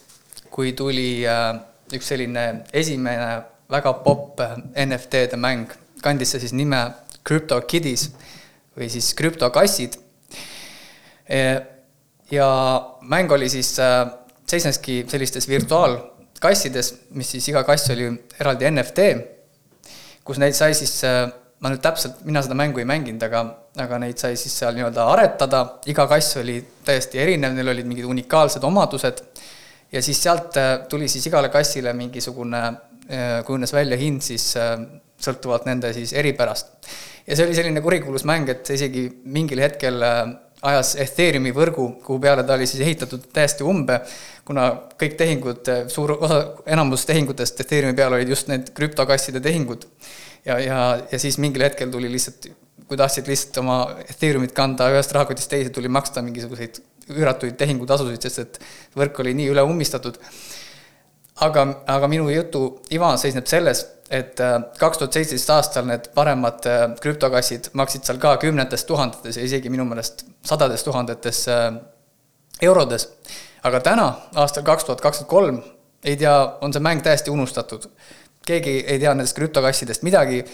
Need sajatuhandesed kassid on tõenäoliselt väärt, on kaotanud tõenäoliselt rohkem kui üheksakümmend üheksa protsenti oma väärtusest. Et siin ma tahangi kuulajale öelda, et väga palju nendes väärtuses, mis siis omistatakse, on see kunst või mingi muusikapala, on haip, nagu sa ütlesid. et äh, kui me võtame täna need kõige populaarsemad NFT-d, need, on see siis see krüptopunkarid, mis on ka seal paremad, on miljonites või on need, äh, need igavad ahvid, neid on nii palju, et äh, okei okay,, kui see väärtus on täna võib-olla seal kümnetes tuhandetes, siis küsige endalt, et kas see väärtus on ka viie aasta pärast, kas, kas viie aasta pärast leidub keegi inimene, kes on nõus maksma selle krüptopunkari eest kümneid tuhandeid, on ju. et, et see väärtus, mis sellele JPG failile selle NFT taga omistatakse, on vägagi subjektiivne ja vägagi sõltub sellest, sellest nii-öelda haibist ja kogukonnast. et, et see on vägagi, tasub eristada just seda väärtust ja tehnoloogiat ennast. tehnoloogia ise NFT-del on väga hea ja juba aina rohkem äh, on erinevaid näiteid, kuidas seda tehnoloogiat väga palju ära kasutatakse. näiteks piletid on üks näide, kus äh, näiteks USA-s on selline firma nagu Ticketmaster, ta on juba müünud tuhandeid NFT pileteid ja, ja seal on väga, väga palju nüansse, kuidas annab äh, nii-öelda NFT-dega mängida, olla unikaalne, olla, olla nii-öelda kasulik ja lahendada mingit probleemi. et tehnoloogiana NFT-d on, on super aga just väga oluline on mõista, et kas see väärtus, mis nüüd sellele kunstiteosele omistatakse, kas see on õigustatud ja kas ta ka on jätkusuutlik? mind on alati lihtsalt pannud imestama see NFT-de puhul see asjaolu, et seesama NFT, mida ma tegelikult ju müün algselt või mille ma endale algselt teen, see originaal nii-öelda siis noh, ma saan ju, igaüks saab teha sellest ju screenshot'i ja tegelikult selle endale nii-öelda võtta. jah, ma küll tean, et see on screenshot ja mul ei ole originaali, aga põhimõtteliselt ju ekraani pealt mul ei ole vahet, kas ta mul on seal PNG, JPG või on JPG kaks tuhat või mingi muu fail. Äh, kvaliteedi vahe võib-olla pikslite mõttes on, aga noh, pilt on ju pilt, ta on mu silme ees ja minu jaoks nagu see tekitas ju kohe, et aga miks ma peaks tahtma mingisuguse pildi eest, äh, mis on veel digitaalne versioon, okei okay,, ma saan selle välja printida, siis on nagu teine asi, et kui saaks NFT nagu noh, päriselt siis nagu nii-öelda endale ainu, ainueksemplarina veel välja ka printida kanva peale, kuidagi kanvasele ja selle seina panna kodus, siis see on nagu päris nagu kunstiteos maal, siis, siis ta minu jaoks on nagu suurem väärtus, ütlen ka füüsiline. ilmselt osad nii, nii ka ilmselt teevad, aga, aga just nagu puhtalt digitaalsel vormil, noh see tundub mulle lihtsalt täiesti sihuke, et ma ei, lihtsalt ei saa aru, miks inimesed sellest üldse midagi maksavad mingite karakterite, tegelaskujude, asjade eest. Pigem ma olen sinuga samas leeris, et äh, minul ei ole ka see väga kohale jõudnud ja nagu ma ka selle oma eelmise näite puhul illustreerisin, et, äh, et see väärtus võib olla täna üks ja, ja homme täiesti teine, et äh, samas ma ei ütle ka seda, et need krüptopunkarid, et nad, et nüüd kümne aasta pärast on ära kadunud, võib-olla on nad veel, veel väärtuslikumad, kes teab. aga mina julgeksin suurema tõenäosusega öelda, et et näiteks Bitcoin või Ethereum on viie või kümne aasta pärast kas sama kallis või kallim, kui ta on täna, versus see, et mingisugune krüptoahv äh, on, on, hoiab oma hinda viie või kümne aasta pärast. ma ise olen jaa, ma olen sinuga seda meelt, et ka siin noh, ma olen, ma ei ole ka spetsialist, aga nii palju, kui ma inimesi jälgin ja, ja kes on nagu minust targemad, olgu nad siis Youtube'i kontodel või mingid muud platvormid. selge on see, et turu liikumine, see, mis täna toimub, on normaalne turu liikumine ja see, et Bitcoin ja krüptovaluutad koos siis nende alternatiivmüntidega pärast Bitcoini kukkumist ja tõusmist teevad oma korrektsioonid järgi nii-öelda väikse küll äh, viivitusega. Ähm, ja see, mis täna Bitcoiniga toimunud, eks me tulime kahe, kuuekümne kolme tuhande pealt kahekümne tuhande peale ja siin tegelikult ma arvan, ma arvan äh, ja ma tegelikult olen oodanud seda hetke juba viimast aasta otsa. Äh, ma arvan, et me näeme ka kümmet tuhandet või sinnakanti vähemalt, enne kui me tagasi üles lähme aga, aga ma olen kindel selles äh, äh, ja seda kinnitab nii palju inimesi samamoodi ja võib-olla see on jälle haip, aga ma, ma olen üsna veendunud, et me lähme sellest kuuekümnest ka sajast tuhandest üle.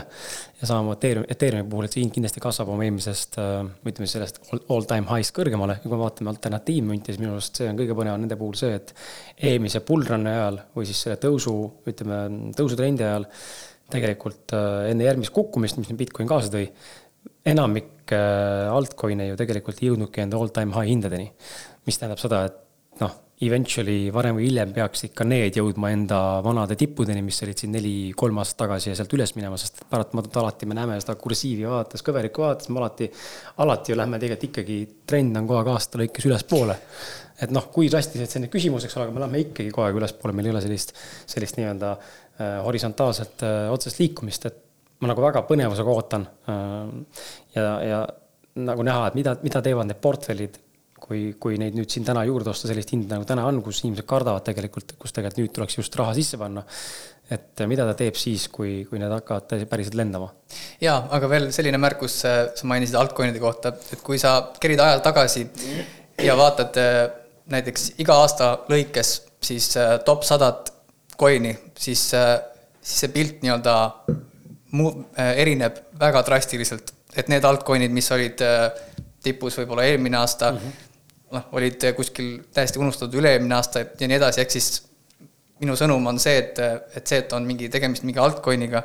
see, et ta nüüd äh, järgmine turutsükkel tõuseb koos kõikidega, noh, seal ei ole mingit garantiid, et ta võib olla ka täiesti juba ammu unustatud järgmiseks turu, turutsükli nii-öelda tõusuks, et selleks ajaks on juba järgmised ja järgmised, et, et see, et nüüd äh, tsük-, turutsükkel nagu kõik nüüd korraga tõuseb, et see ei tähenda, et nüüd kõik altcoin'id kohe nii-öelda siis võrdselt, äh, võrdselt perform ivad. see on kõige raskem osa, ma arvan, üldse krüptode puhul, et kui me vaatame, noh, tegelikult see on sama raske osa, kui on äh, tavaettevõtete puhul, kuhu tahad investeerida aktsiatesse, et noh, kõiki on ju nii palju noh, ettevõtteid maailmas on ju veel rohkem kui krüptovaluuta projekte. aga neid projekte täna juba, ma arvan, on seal sihuke kümne tuhande raames loomulikult, millest noh, üks kolmandik ilmselt võib kohe nagu maha tõmmata, on isegi rohkem võib-olla, on ju. et aga ikkagi see on tohutu mass, mida läbi käia inimesena, kes alles alustab krüptovaluutaturul. kuidas sina nagu soovitad, okei okay,, me korra rääkisime sellest küll, mis punkte vaadata, eks ole, et kas tal on mingi väärtus, kas ta parandab maailmas midagi, mis on ta tiim taga, kes on investorid, mis see white paper ehk siis dokument nii-öelda kaasa pandud on ja nii edasi. milline see community pool on ju, aga mida, mille alusel veel neid projekte peaks inimene vaatama, et kas ta peab siis, noh, vanasti öeldi, et vaadake seda turumahtu, on ju, palju on seal siis seda äh, krüptomünte ringluses, palju tekitab üldse seda käivet nii-öelda rahaliselt, et mis on ta suhe selle Bitcoiniga, on ju, et mida nagu inimene peaks jälgima nende seitsme või viie või kuue tuhande projektide vahelt vaadates, et millist ta siis lõpuks valib, sest ise ütlesid tegelikult väga hea pointi, millele ma üldse tegelikult ei mõelnudki, tegelikult väga loogiline. et tõepoolest aastast aastasse need altcoin'id, kes on tipus seal top sajas, need kogu aeg vahetuvad. jah, meil on mõned üksikud, kes on jäänud pidama sinna top kahekümne sekka, aga nad äh, võib-olla, ma ei tea, lihtsalt näitan nüüd ei ole peas, enam pole vaadanud, aga Ripple, kes vahepeal oli teine ja kolmas on ju. see võib vabalt täna juba olla, ma ei tea, kas ta on, aga ma toon näite, võib vabalt olla täna viiekümnes juba on ju, et noh, mis ei tähenda, et ta on kehv projekt, aga ta on kukkunud tohutult. et samas mingi muu projekt, kes võib-olla aasta tagasi oli nelja tuhandel kohal, on täna top sada sees on ju, ilma et ma oleks teadnud seda. et mi, mi, mida sa oskad, millist soovitust oskad inimestele anda, et inimesed saaks üldse aru, et millist projekti ma siis tegelikult vaatama pean, sest neid nüansse on nii palju lihtsalt. ja äh, nüüd äh, võttes kinni sellest, et sa ütlesid väga õigelt, et neid krüptoprojekte on, on äh, kümneid tuhandeid ja kui võtta lahti mõni Mm, selline levinum äh, lehekülg, kus need siis üles reastatakse. ja seal on juba näha seal äh, mitmekümneid tuhandeid projekte ja, ja need on alles need, mis on nii-öelda siis sinna üles märgitud, tegelikult neid on noh, kümme korda rohkem tõenäoliselt. aga ma tahaksin kuulajale öelda, et, äh, et tegelikult nii-öelda krüpto, oma krüptoraha tegemine kellegi teise plokiahela peale ei ole üldsegi nii keeruline, kui võib-olla paljud arvavad. et see on juba üks esimene asi, mida, mida mõista selles, et, et neil kõik, enam, enamikul neist ei ole mingit erilist väärtust, sest selle tegemine on, on niivõrd lihtne. see on tegelikult lihtsalt äh, üks koodijupp, mis sa pead äh, nii-öelda plokiahelale kinnitama, maksma natukene siis äh, krüptoraha tehingutasudeks ja voilà, sul on oma krüptoraha, Kris-coin või Madis-coin või mis iganes. et see on esimene asi, mida, mida kuulaja peaks mõistma, et, et see, see krüptorahade rohkus ja, ja värvikirevus on, on just omal põhjusel. ja, ja sealt äh, juba saad nagu edasi mõelda, et miks äh, üldse millelgi peaks olema noh, väärtus, kui ta on nii kergesti nagu järgi tehtav.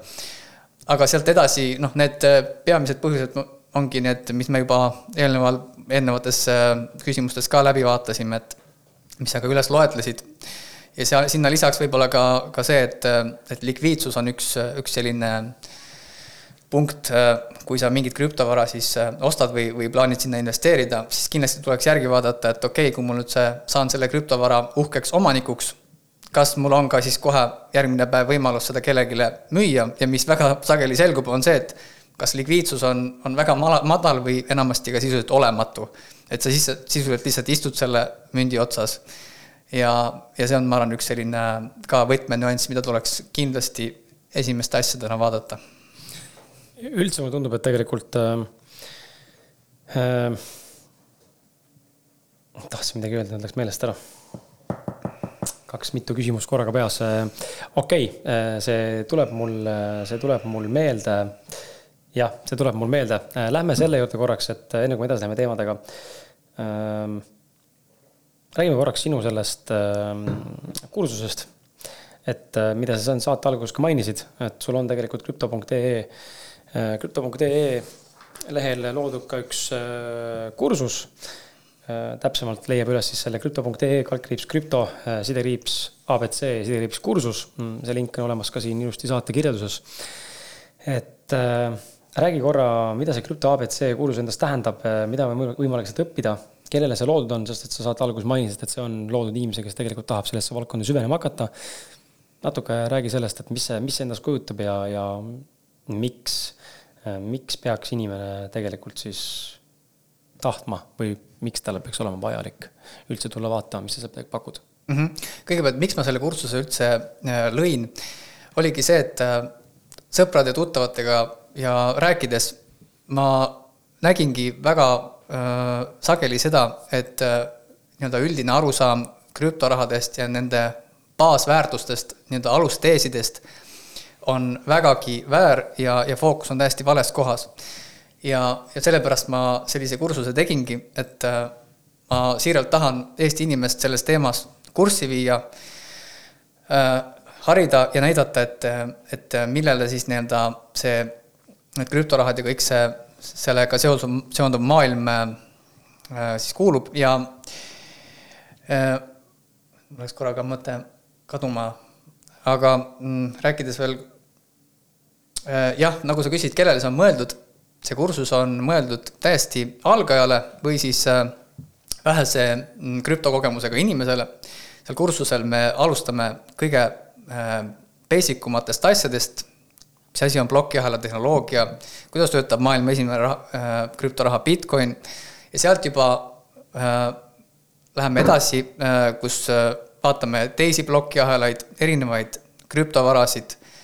ja, ja kui, ja kursusega siis äh, lõpupoole mm, tutvustan äh, vaatajale siis äh, krüptoraha kui ühte võimalikku investeerimisinstrumenti ja just ka seletan lahti sellega kaasnevad ohud ja nüansid ja, ja annan ka tööriistad, mida siis sellises nii-öelda mm, krüptorahadesse investeerimisel tasuks nagu jälgida. Et just sellise suunitlusega see, see kursus ongi mõeldud, et, et andmaks sellise baasvundamendi inimesele, kes on selles maailmas täiesti uus kes tahaks selles ennast kurssi viia, aga mingil põhjusel äh, ei ole veel jõudnud või saanud, sest et enamasti selle maailmaga käib kaasas nii palju keerulisi termineid ja, ja mõisteid, et see pigem jääbki äh, paljudele selliseks äh, mm, eemaletõukavaks sel põhjusel. et seda ma tahangi kõike seal lahti seletada ja see on ka see, miks ma selle äh, kursuse tegin ja veel Äh, sinu viimasele küsimusele, et miks peaks, äh, võiks inimene seda kursust läbida. et äh, noh, krüptorahad ja see maailm areneb isegi veel kiiremini kui, kui interneti kasutuselevõtt siis üheksakümnendatel, et, et see kindlasti varem või hiljem meie elu puudutab ja ma leian, et, et varem oleks selles maailmas hästi navigeerida. varem juba sees olla omadega. just. Sa, me oleme loonud ka mm, sinu lahkel loal ka tegelikult meie kuul-, minu kuulajatele, meie kuulajatele sellele samale kursusele ka väikse sooduskoodi, et äh, kui keegi tahab, siis äh, kursuse tavahind on üheksakümmend seitse eurot. Äh, krüpto.ee kaldkriips krüpto, sidekriips abc, sidekriips kursus, panen selle lingi ka, lingi leiad üles nii Facebooki selle saate postituse kirjelduses kui ka siis SoundCloudist ja Spotify ja Apple Musicu saate kirjelduses ka aga ehk kui tahate seda saada endale siis äh, nii-öelda mõnusama hinnaga, siis Kris Kala kolmkümmend äh, on see kood, mida siis palun äh, kasutada ja sellega saate siis äh, kolmkümmend euri alla ja kas ma, ma ei tea, lepime kokku, et mis meil see tähtaeg on, täna, kui saade välja tuleb, on üheksateist aprill, kas teeme aprill lõpuni selle, teeme siis kolmekümnenda, kolmekümnenda aprillini kehtib see pakkumine hmm,. vabandust, mul vahepeal rääkides tekib see asi kurku. et kolmekümnenda aprillini on siis meil äh, see pakkumine avatud äh, kõikidele kuulajatele, nii et äh, minge vaadake, uurige ja, ja hoidke lihtsalt ka krüpto.ee lehel kindlasti silma peal. ja äh, nii et vaadake. vahepeal tuletan sulle ka meelde selle, et nagu sa juba juhtumisi tead ja loodetavasti pole ära unustanud, on mul ka tegelikult kaks raamatut, mis olen välja andnud, tegelikult on neid kolm, aga kaks, mida ma väga tahaksin sulle pakkuda nimelt on mul raamat nimega Mõistmaks, kes ma olen, mis räägib siis minu vaimsest sellisest ärkamisest ja sisekaemuslikest äh, eksistentsiaalsetest küsimustest ja mõtete lahkamisest äh, enda vaimsel teekonnal ja raamatu teine pool on seotud siis ka sellise filosofeerivama ja eksistentsiaalsema läbi mina pildi ja mina vormi kirjutatud äh, seiklusega Austraalias, kus ma olin mõned aastad tagasi. et kui on huvi, siis on võimalik mulle kirjutada ja soetad endale see raamat äh, kahekümne euroga ja ma panen sulle ka sisse pühenduse. ja teine raamat, mida ma tahan sulle kindlasti pakkuda, mida sa kindlasti oled juba kuulnud ja ma loodan, et sul see raamat juba olemas on ka, kui veel ei ole, siis see on suur patt. ja see tuleks sul endale ikkagi tegelikult minu käest kohe nüüd, täna, praegu tellida. on raamat nimega Kontaktis endaga, mis annab siis võimaluse sul äh, saada sisekaemuslikku informatsiooni selle kohta, mida on rääkinud minu saates Ausad mehed podcast'is esimesed sada saatekülalist koos minu enda lisatud mõtetega ja iga külaline on siis äh, kaasa pannud ka erinevaid äh, häid mõtteid, mida podcast'is tegelikult ei äh, räägitud. ehk siis see on eraldi lisa, täielik blogipostitus raamatus kaasa antud iga külalise peatüki juurde ja iga külalise podcast'i episoodi kohta tuleb sulle kaasa ka äh, väike kokkuvõte sellest äh, käesolevast podcast'ist, mis siis raamatus mainitakse, nii et see on selline mõnus kogum inspiratsiooni, motivatsiooni ja innustuse saamiseks. kui, kui tahad ammutada ja enda, ütleme seda mängu siin viia järgmisele tasemele, nii et ka selle hinnaks on kakskümmend eurot kui soovid, saan sulle pühendusega teele panna ja ma hea meelega pakun sulle võimalust ka osta need kaks raamatut koos ja teha seda soodsamalt äh, kolmekümne euroga, nii et siis sa säästad või võidad viis eurot per raamat, nii et kui sul on huvi, siis anna mulle teada, panen sulle julgelt teele või toon ära või tuled ise mulle järgi. elan Tallinnas nüüd, nii et nüüd on lihtsam neid asju omavahel kokku sattuda ja kokku sobitama panna neid aegasid, nii et äh, kui on huvi raamatute vastu, siis anna mulle ka teada. Ja mina soovin sulle jätkuvalt mõnusat kuulamist, tšau jaa, aga lähme edasi äh,. Lähme, Madis, sinuga edasi mm,. tuleme korra tegelikult selle Bitcoini äh, juurde tagasi ja miks just Bitcoini juurde, sest Bitcoini hind on see, mis kõige rohkem äh, tegelikult äh, mm, kõigub või noh, liigub, kuna ta summad on ta väärtus on palju kõrgem kui teistel müntidel ja selle tõttu võib-olla tund-, noh, tegelikult protsentuaalselt nad no, kõiguvad suht sarnaselt, eks ole, teatud tasandil, aga mulje jääb, sest et summad on suuremad, et just seesama näide, et ma mäletan väga selgelt perioodi, tuleb praegu väga hästi meelde. mäletan ah,, ma tahtsin vahele seda öelda ka, tuli meelde seoses selle Ethereumi teemadega, et võrgu feed, et ma kunagi olin ühes, ka ühes projektis, kus siis äh, Ethereumi kättesaamiseks äh, tuli maksta Ethereumi feed tuhat euri, siis ma mõtlesingi, et noh jabur see, jaburus see nagu on. ma arvan, et see oligi turu mingid. see oli see periood jah, kus oli ülekoormatud lihtsalt täielikult, et äh, see õnneks tehti korda ja siis see fee kukkus oluliselt enne mingisuguse kümne või seitsme euro peale. aga ikkagi see oli ka suur. aga see tonn oli nagu minu jaoks šokk, ma vaatasin, what the fuck, saage oma raha kätte lihtsalt. et noh, see ei maksa tuhat eurot feed, noh, seal ei ole mõtet unless sa tõesti ei võta sealt miljonit välja või mingid muud summad, siis on nagu teine küsimus. aga tulles selle äh, Bitcoini juurde, et äh, mäletan selgelt perioodi, kui Bitcoin oli kolm tuhat ja ma mäletan, ma soovitasin sõbral osta, mul endal ei olnud tol hetkel raha, et Bitcoini osta, praegu ma mõnes mõttes kahetsen. Äh, aga, aga no mis teha? Ja tegelikult ma mäletan, tegelikult ma mäletan ja siis ma mäletan ka seda perioodi, kui, kui see oli kuuskümmend, paarkümmend tuhat enne. Ja nüüd, kui ta uuesti täna meil siin kahekümne ja siin raames kõigub ja võib-olla tuleme ka allapoole, on ju, et siis noh, paneb nagu mõtlema, et see on umbes sama, sama võrdväärne küsimus, ma arvan, et kust tekib selle väärtus, kus see raha sinna taha tekib. on see küsimus, et miks need hinnad niimoodi kõiguvad mm. -hmm. mis mõjutab siis, räägime korra sellest krüptovaluuta turgudest. mis mõjutab krüptovaluuta hinna tõusu ja langust, millised on sinu meelest need suurimad eh, indikaatorid või faktorid, mis võivad hinda mõjutada, hinna liikumist mõjutada ja mida tuleks nagu, millele tuleks tähelepanu pöörata, et siis eh, võib-olla optimeerida või, või riskide mõttes manageerida oma portfelli siis väärtuse mitteolulist langust või vastupidi, äh, kuidas seda nii-öelda siis ära võimendada, seda liikumist? kõigepealt, äh, mis puudutab äh, hindade suurt kõikumist,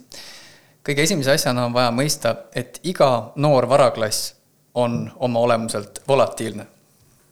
ehk siis, kui ma teeks väikse mõttemängu ja küsiksin, et millal oli kõige parem aeg osta Tesla aktsiat? vastus. siis, kui Elon Muskil olid kõik aktsiad, kui likviidsus oli madal ja hind tegi meeletut kõikumisi. millal oli kõige parem aeg osta Amazoni aktsiat? siis, kui Jeff Bezosel olid kõik aktsiad, likviidsus oli madal ja hind oli volatiilne. ehk siis väga oluline on eristada mingisuguse vara väärtust, tähendab hinda ja tema fundamentaalseid omadusi. ehk siis need on kaks täiesti erinevat asja, mis lähevad väga sageli omavahel sassi. Bitcoini, tema fundamentaalsed väärtused olid täpselt samasugused siis, kui ta oli kuuskümmend üheksa tuhat dollarit või praegu, kui ta on kahekümne dollari, kahekümne tuhande dollari juures. et see on esimene asi, mis, mida tulebki mõista, et see on ja Bitcoin oma vanuses, olles nüüd üle neljateist aasta vana on võrreldes teiste klassikaliste varaklassidega endiselt väga noor. et see on niisugune äh, asi, mis, äh, mis käib niikuinii kaasas. ja muidugi teisest küljest sa küsisid, et mis, mis tegurid seda mõjutavad, Bitcoini puhul ongi neid väga palju. alustades äh, tema siis nii-öelda inflatsioonitsüklitega, kust kujunevad ka vägagi selgelt välja mm, siis erinevad kõikumised lisaks on vägagi suur hinna või hinna müügisurve siis tuleb kaevandajate poolt. kõik see, mis hinnaga nemad siis oma elektrienergia kätte saavad, kui palju nad peavad kaevandusseadmetesse investeerima, kõik see mõjutab väga palju hinda ja siis ka loomulikult äh, nii-öelda suured Bitcoini hoidjad ehk teisisõnu vaalad, kes äh, järsku keegi otsustab müüa kümme tuhat Bitcoini ja loomulikult äh, hind langeb, kui, kui siis turukapital ei ole nii suur kui võib-olla su-, suur, suurtel aktsiatel või, või, või siis indeksfondidel nagu SEB viissada, et need on võib-olla niisugused mõned näited sellest, miks Bitcoini Äh, hind ja ka teiste krüptorahade hind nii palju äh, kõigub. Ja veel äh, lisaks Bitcoin on selline nagu näitlikult öeldes vedur, mis veab kogu ülejäänud krüptoturgu, et, et see on nagu, seda on nii hästi näha, kui see, kui korrelatsioonis see on, et kui Bitcoin tõuseb, siis altcoin'id tõusevad sageli rohkem ja kui Bitcoin langeb, siis altcoin'id langevad temaga kaasas veel rohkem, et et ta on jah, kuna, kuna tema turukapitalilt on kõige suurem, siis ta lihtsalt mõjutab nii palju ka, ka teisi mm, krüptorahasid. Aga kas ideaalses maailmapildis või ütleme, tuleviku mõttes vaadates krüptovaluutat ja üldse turumahtu kokku, et kas võiks tekkida ka mingisugune niisugune tasakaalustuspunkt, kus äh, Bitcoin ei dikteeri enam nii palju siis neid alternatiivmüntide liikumist, vaid tekib selline stabiilsus, kus iga münt või ettevõte siis ähm, oma vara mõttes kõigub vastavalt Äh, individuaalsustasemele või ikkagi see jääb sisse, see, et Bitcoin on domineerivam, isegi kui seal on see, ütleme, Bitcoini, mm, ma ei tea, osaluses turumahust on näiteks noh, oletame, vahepeal on siin kuuskümmend, seitsekümmend nüüd ütleme, kas või oleks, ma ei tea, kolmkümmend protsenti või nelikümmend protsenti, kas ta siis ikkagi veel mõjutab? kindlasti on see vähenemas ja juba on ka tegelikult näiteid, kus äh, mõned projektid elavadki täitsa oma elu ja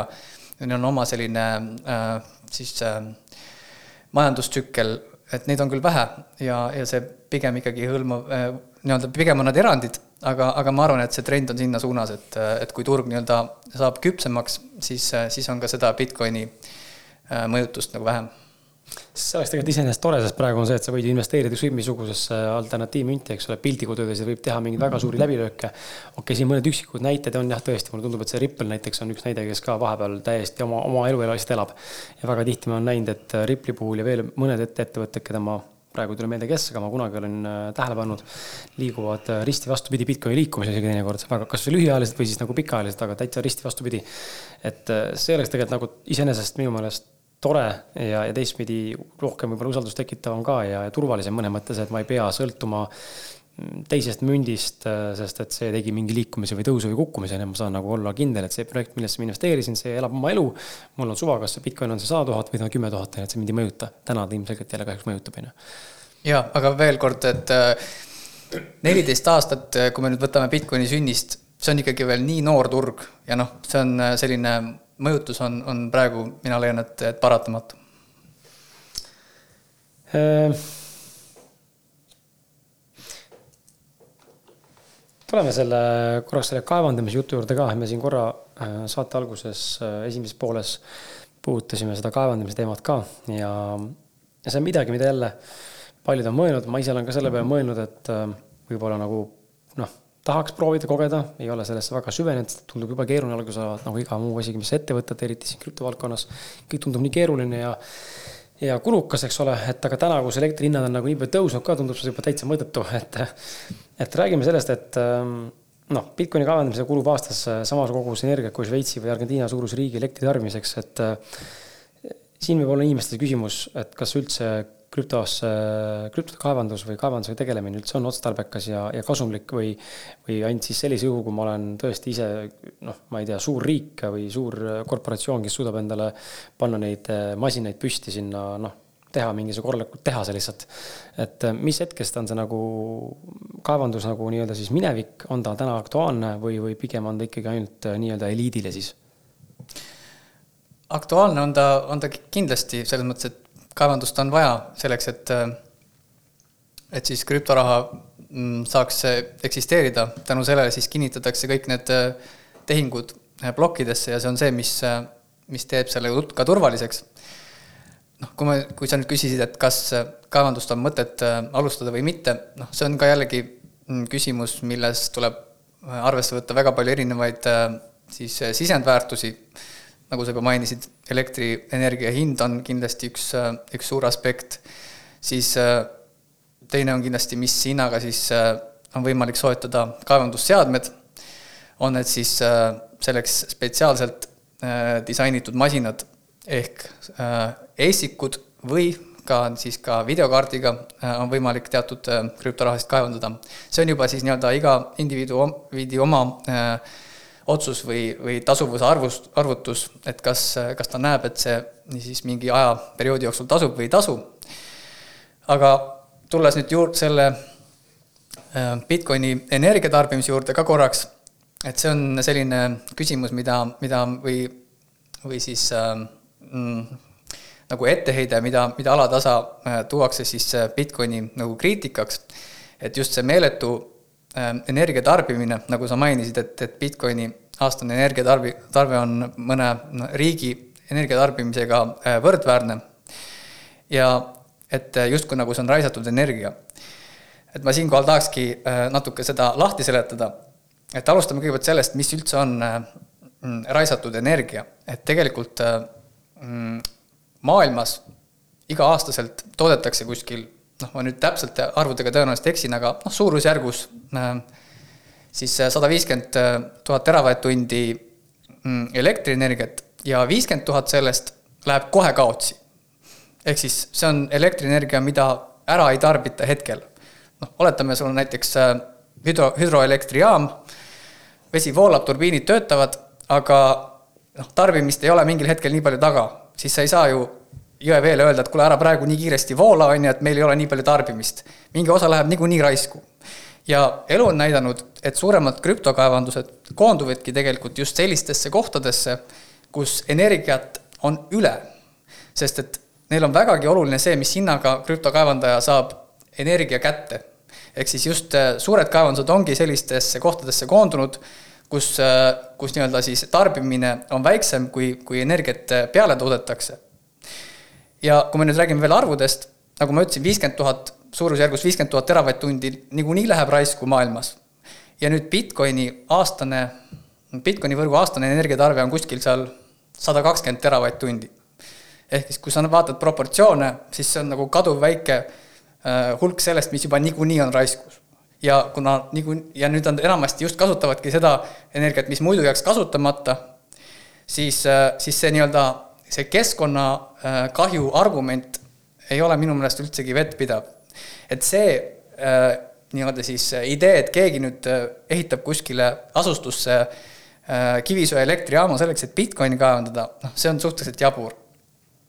aga, aga teine aspekt selle kasva, selle kaevandamise juures, mida sageli üldse ei puudutata, on see, et okei okay,, sada kakskümmend siis teravatt-tundi aastas, aga mis me selle eest siis saame? Selle eest me saame ühe maailma kõige turvalisema, kõige detsentraliseerituma võrgu, mida ei ole võimalik tsenseerida ja manipuleerida, kus iga inimene saab olla kaasatud maailma rahandusse, muuseas, meie siin läänemaailmas, meie jaoks on, on see nii iseenes-, iseenesestmõistetav, et meil on siin pangakaardid ja me saame kanda raha üle maailmas on suurusjärgus kaks koma viis miljardit inimest, kellel puudub igasugune ligipääs pangandusele. Siis juba, juba see, et me saame kaasata need inimesed maailma majandusse, nemad saavad anda väärtust ja sa-, saada osaleda raha, rahanduses, on omaette väga suur väärtus. ehk siis see sada kakskümmend teravatt-tundi aastas on minu meelest noh, vägagi aus kaup, isegi noh, isegi pigem nagu väga hea diil, et selle eest saada üks meeletult tugev ja vastupidav võrk mis on töötanud neliteist aastat ilma ühegi tõrketa, kolmsada kuuskümmend viis päeva, kakskümmend neli seitse jah, see, see, see ilmselt ei ole see elektri tarbimise teema ainult äh, krüptode puhul, vaid see on ilmselt ka muude asjade puhul, mis pakuvad siin mingeid alternatiive, et Äh, sama tegelikult teema käib ka elektriautode ümber, väga palju tuuakse selle kohta näiteid, et see tegelikult ei ole otstarbekas, aga samas jällegi statistika tegelikult numbrid näitavad, et äh, noh, seal ei saa nagu vastu vaielda, et seal võib olla ka mingisuguseid miinuspooli, aga tegelikult ikkagi see elektriautode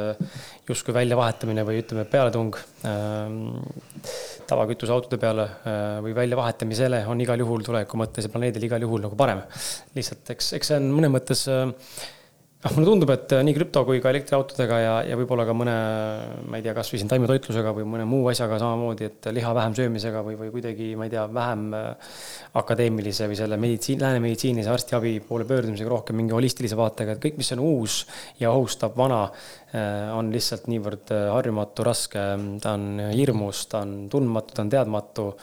ja see lihtsalt on paratamatu, et inimestel võtab see aega, et sellega harjuda, et aga varem või hiljem see ilmselt kaalukauss mõnes mõttes muutub. aga tuleme, me rääkisime enne korra keskpankadest ähm, ka läbi selle Ripli näite. ma kindlasti saadan sulle, ma püüan meeles pidada, saadan sulle mõned videod vaatamiseks, need on päris pikad, paaritunnised dokumentaalid. mingid fanatid on nagu äh, Ripli juures olnud seal aasta, aastakümneid ja siis kokku pannud erinevate oma teooriate ja mingite dokumentide paljastamistega ja, ja näitavad mingeid lõike ja mingeid asju ja intervjuusid mingite Ripli ja mingite valitsusinimestega, ühesõnaga see on niisugune väga, väga huvitav, ta paneb mõtlema lihtsalt, et okei okay,, okei okay,, kui see tõsi on, siis okei okay,, päris huvitav. et aga tuleme selle keskpankade juurde, et äh, millised on sinu mõtted nende keskpankade digitaalsete valuutade CBDC ja nende, nende, nende potentsiaalsete mõju kohta krüptoturule ja maailma majandusele? ja see on hea küsimus, et äh, mõne, mõnes mõttes ma näen, äh, kuidas keskpangad ka nüüd nii-öelda tahavad seda krüptonarratiivi äh, natukene enda kasuks äh, ära kasutada, sest et nad justkui märkavad, et nad on natuke rongist maha jäämas. et jah, need keskpanga digitaalsed valuutad on siis ka enamasti baseeruvad plokiahela tehnoloogial, aga seal on üks väga suur eristus, mis on tegelikult täiesti vastand sellele, mis mille eest siis seisavad äh, nii-öelda klassikalised avatud detsentraliseeritud plokiahelad. ehk siis keskpanga digitaalne valuuta ei saa olla kunagi avatud plokiahela peal. seal on alati, kes see riik või keskpank, kes siis seda emiteerib, on see, kes, kes kontrollib reegleid, kes võtab vastu otsuseid, kui palju emiteerida, miks emiteerida, mis äh, graafiku alusel ja nii edasi ja nii edasi. ehk siis see on nagu täiesti vastand selleks, sellele, mis, milleks krüptorahad leiutati et krüptorahad leiutati selleks, et vabaneda vahemeestest, vahendajatest. keskpanga digitaalsed valuutad on täpselt see, et seal on vahemees. et see on täpselt nii-öelda vastand sellele, miks üldse krüptorahad leiutati, et äh, seda on vaja kindlasti mõista sest ma mäletan, et mingi aeg, noh, võis olla, võis olla paar aastat tagasi äkki, kui ma hakkasin nägema neid rohkem neid, kus siis kõik erinevad keskpangad ja pangad hakkasid mõtlema oma, oma coin'idele, eks ole. noh, noh, natuke on selline tunne, et need, see oli sihuke meele, meeleheit-, meeleheitlik käitumine, et hea küll, et lähme siis sellega kaasa, kuna nii tugevalt push itakse seda ja ei ole nagu teist varianti. aga kas, kas sa nagu näed ka seda, et noh, ma toon nagu näite, kas sa näed ka tulevikus seda, et krüptovaluuta maailm võiks liikuda sellises suunas, kus iga ettevõte loob oma coin'i puhtalt sellepärast, et majanduslikult ja finantsiliselt on on kasulik ja mõnes mõttes isegi võib-olla vajalik. kas teate, teatud äh, varade või teatud äh, vahendite liigutamiseks või ülekandmiseks või, või teenuse või toote ostmiseks või pakkumiseks krüptovaraha tegelikult fiat valuuta kõrvale luua? ma ei tea nüüd, kas iga ettevõte teeb oma coin'i, noh, see peab neile olema kuidagi ikkagi kasumlik, et see on eraldi kohe ettevõtmine ja, ja nagu kohe sa lood sellega nii-öelda oma eraldi minimajanduse ja, ja siis peavad ka sinu nii-öelda ettevõtte kliendid sellega kaasa minema, et see on nagu jälle selline, selline nagu uus ettevõtmine ja ma ei tea, kas, kes nagu tahab või viitsib sellega nagu siis jännata, et kui on olemas mingid, mingid rahad, mida, mida ettevõtted saavad kasutada, siis, siis ma ei, ma ei näe põhjust, miks iga ettevõte peaks oma coin'i tegema, aga kui, kui tõesti nad näevad, et see on nende nii-öelda ärimudelile kasulik, siis miks mitte kuidas suhtud äh, tokenoomiasse, tokenization'isse nii-öelda, et äh, noh, äh, reward autasupõhiselt siis nii-öelda, väga paljud ettevõtted täna juba kasutavad ka seda, eriti krüptodede puhul, aga tegelikult on ka tavaettevõtted, kes on hakanud seda implementeerima, et kui sa teed, noh, lihtne näide võib-olla oleks see, et tegelikult ise oleme mõelnud selle peale ka, et meil on see startup hakatis äh, produktsioonistuudio, nii-öelda siis ai põhisene Äh, mida me alles arendame välja siin, äh, siis meil oli vahepeal see mõte, et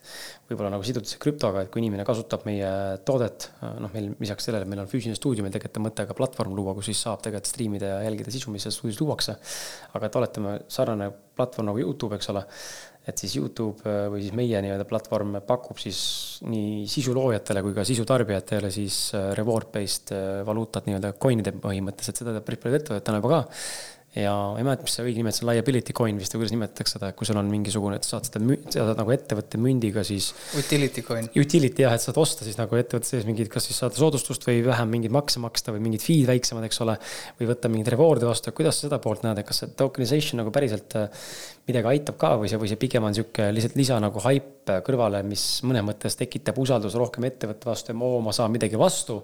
Äh, tegelikult seal mitte mingit pointi pikas laastus ei ole või sa pigem näed ikkagi, et see on koht, kus tegelikult saab tagasi anda ettevõtte läbi sellise võimaluse inimestele? Utility token itel on tegelikult äh, omajagu häid äh, näiteid, kus on läinud väga hästi see nii-öelda see minimajandusmudel käima. üks hea näide minu meelest on, on selline siis ökosüsteem, nagu on, võib-olla oled kuulnud, Brave brauser mm, -hmm. on selline siis tema see müügipunkt on see, et on siis reklaamivaba brauser ja seal ongi majandusmudel on siis selline, selle brauseri sisene raha on siis äh, basic attention token ehk BAT. ja idee on siis selline, selline, et, äh, et äh, reklaam, ta nagu viib kokku brauseri sirvija siis sisu looja ja reklaamija. ja selleks ta kasutabki seda, seda siseraha nagu BAT tokenit. ehk siis see, kes nagu reklaamib muuseas siis Sirvija saab valida valikuliselt, kas ta keerab oma reklaamid üldse kinni aga kui ta ei keera, siis ta saab äh, siis reklaamide vaatamise eest tasustatud selle, selle BAT token'i näol.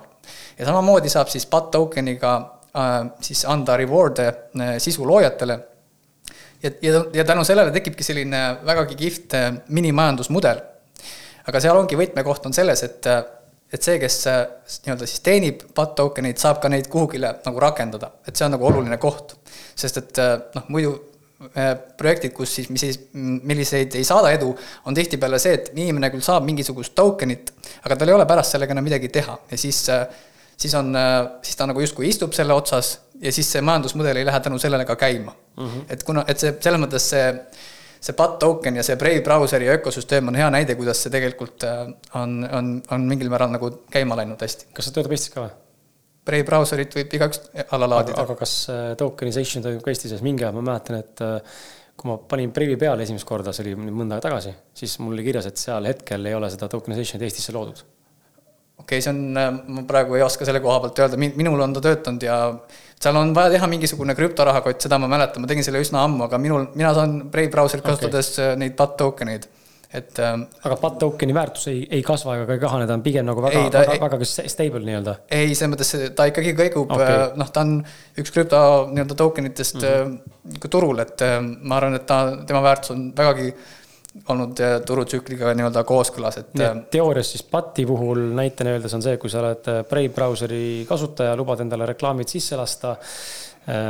siis saad neid BAT token eid, millel on tegelikult ka väärtus, seega interneti surfamise eest tegelikult oled sa ühe ettevõtte portfelli hoidja, millel on ka väärtus, kasvab lõpuks võib-olla üldse oled miljonär. noh, väga üldine näitena, aga sa võid sellest teha sissetuleku endale. kasvõi jah, et äh, aga just äh, noh, BAT-i puhul on, on selles mõttes, see on hea näide, et kuna see on nagu seda, selle token'iga saab justkui selle sama majandusmudeli sees saab kasutada mm, -hmm. et, et see on nagu hea, hea nagu nüanss nende puhul sest ma tean, et osad, osad need token'id, mida ka pakuvad reward'i põhiselt, neil ei ole Nad on nagu rohkem stable'id ka mõned, nad näiteks, noh, toon näite, meil on sama enda Eesti, mu sõber Kristjan Kangro teeb meil Change Invest panka, eks ole.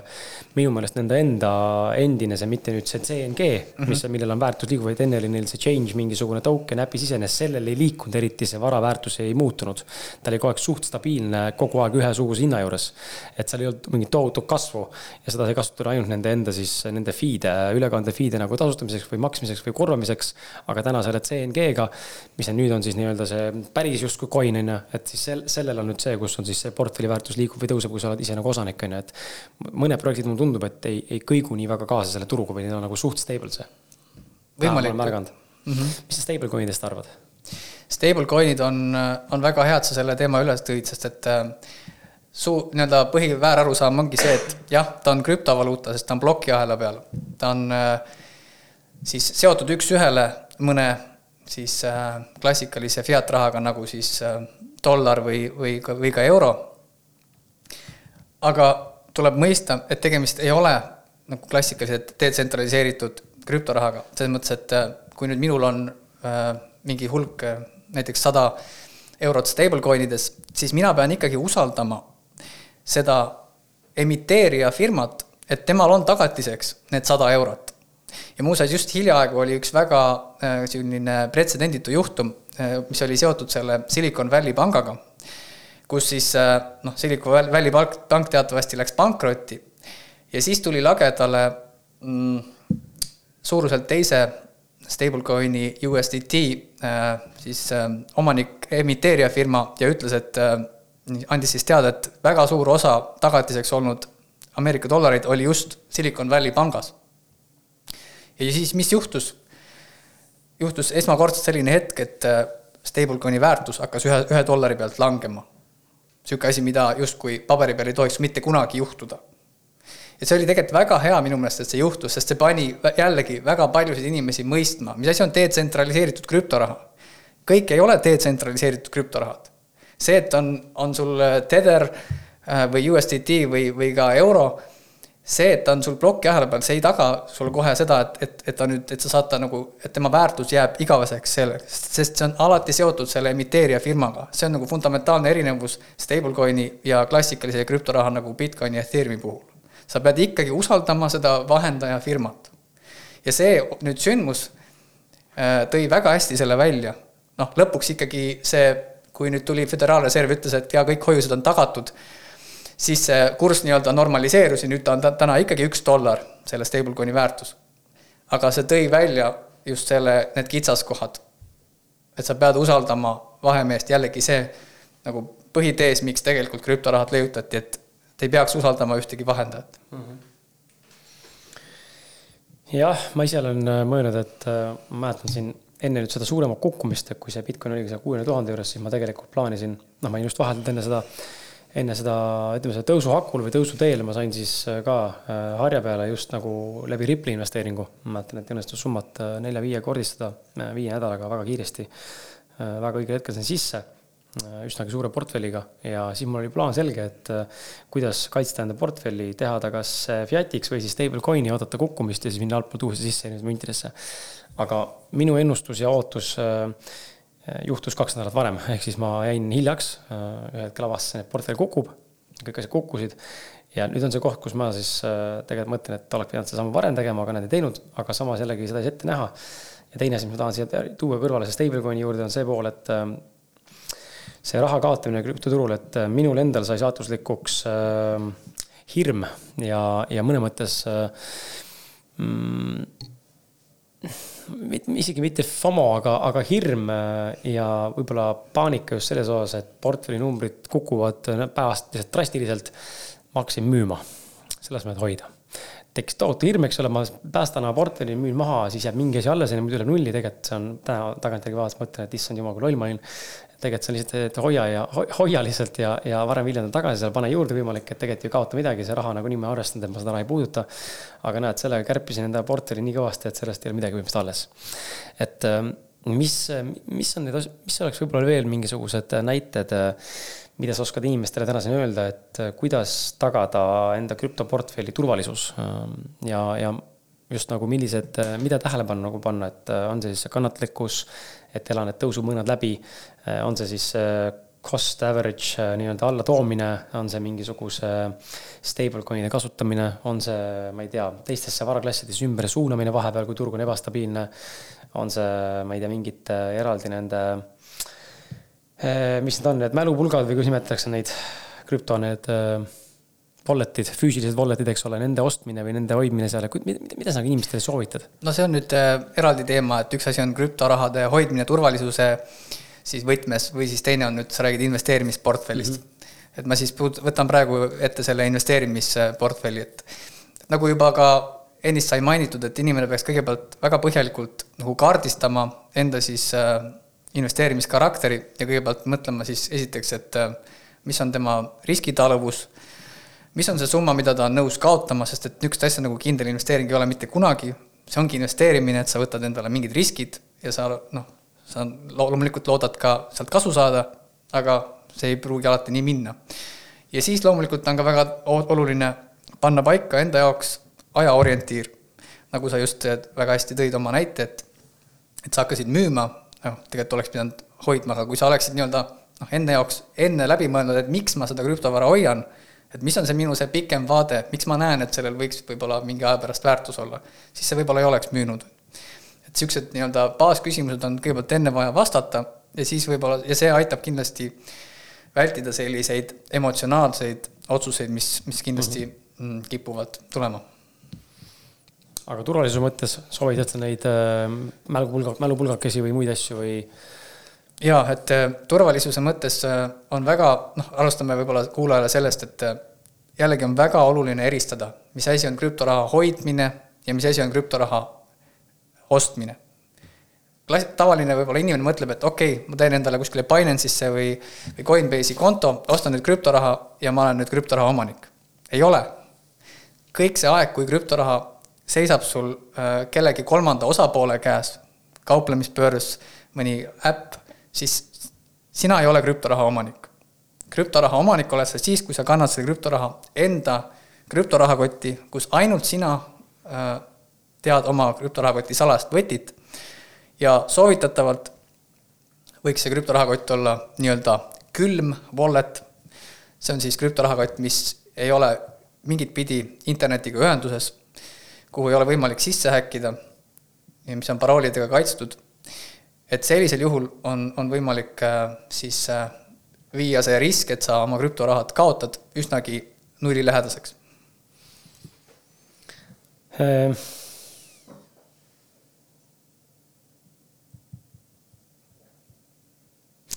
tuleme nende viimaste ja põnevate, põnevate küsimuste juurde ka, mis puudutavad just krüpto tulevikku. et äh, jaga, jaga ja räägi enda arvamust mõnest praegusest äh, suundumusest krüptovaluuta ja plokiahela tööstuses äh,, mida pead eriti põnevaks äh, või siis äh, just tuleviku jaoks palju lubavaks? üks suund, mida, mis on minu jaoks põnev praegu, on vaadata, kuidas äh, sotsiaalmeedia hakkab vaikselt liikuma ka detsentraliseeritud avalikele äh, platvormidele. ma näen, et inimesed aina rohkem saavad sellest aru, et nad tahavad olla ise oma andmete omanikud. see on ka see, mida, mis võib-olla mõned kuulajad on kuulnud, laiemalt öeldakse selle kohta nii-öelda Web3 liikumine, võib-olla sa kindlasti ka oled kuulnud, on ju. et selle nii-öelda põhialuste ees ongi see, et inimene ise omab andmeid. ehk siis, kui praegu kasutame Facebooki, Youtube'i, ikkagi paratamatult peame usaldama, et Facebook või Youtube käitub meie andmetega heaperemehelikult, et ta ei tsenseeri meid mingil põhjusel, neid näiteid on väga palju, kus lihtsalt öeldakse, et aga praegu meile ei meeldi see, mida sa ütled, paneme su konto kinni. ja see, et nad ei müü sinu andmeid reklaami, reklaamijatele edasi. kõik see aina rohkem inimesed saavad sellest aru, et andmed on tegelikult väga väärtuslikud ja inimesed tahavad ise olla oma andmete omanikud. ja seda, seda suunda on väga põnev jälgida, et et üks, hea oleks siinkohal välja tuua üks põnev projekt, mis mis on juba nii-öelda mõned kuud vana ja mis areneb päris kiiresti, on, on selline Twitteri analoog, mis on ehitatud ühele ka detsentraliseeritud protokollile nimega Nostr ja äpp ise kannab nimetust Damus, see on siis ka selline nagu relee baasil äh, protokoll, mida ta kasutab. Aga võt-, võtme äh, siin ongi see, et inimesed ei kasuta andmete siis äh, mm, jagamiseks keskset serverit, vaid nad on, nagu juba enne sai öeldud, ise oma andmete omanikud. Ja, ja sellised, sellised projektid on, on, on väga põnevad. Ja ma näen, et, et see suund on just sinna, sinna suunas, et et mida aeg edasi, seda rohkem hakatakse kasutama just äh, sotsiaalmeedia puhul selliseid detsentraliseeritud äh, platvorme. et see on, äh, see on üks asi, mida mina kindlasti väga huviga jälgin. mul endal oli üks poolteist aastat tagasi, kui siin oli see Covidi tipphetk, kõik rääkisid sellest ja kõik tsensuurid olid igal pool sada protsenti töös siis ka minul Facebook ja Youtube blokeerisid ära paar videot. tegelikult see podcast õnneks on saadaval äh, nüüd Facebookis ikkagi videona ja podcast'i keskkonnas ähm, ka helifailina, aga üks äh, Asse, Asse saade koos ühe siis teise naisterahvaga, kus me rääkisime seal äh, MMS-ist ja muudest teemadest, siis see sai Youtube'ist korralikult red flag'i kohe, et ähm, see pani mind nagu mõtlema, et okei okay,, et noh, jube nagu nilve tegelikult, et ma ju ei tee omast arust midagi otseselt halba, ma saan aru, ma ohustan teatud teemadega teatud valdkonda eksperte, valdkonna tippe, eks ole, organisatsioone. aga teisalt nagu niimoodi piiratakse seda, mida ma tegelikult võin üldse jagada, et see on, ei ole nagu aus. Ja, ja täna ma tegelikult näen ka seda, mis on huvitav, et äh, ka makstud reklaamide puhul, kuna ma olen nende Youtube'i kanali ka monetis-, ära monetiseerinud,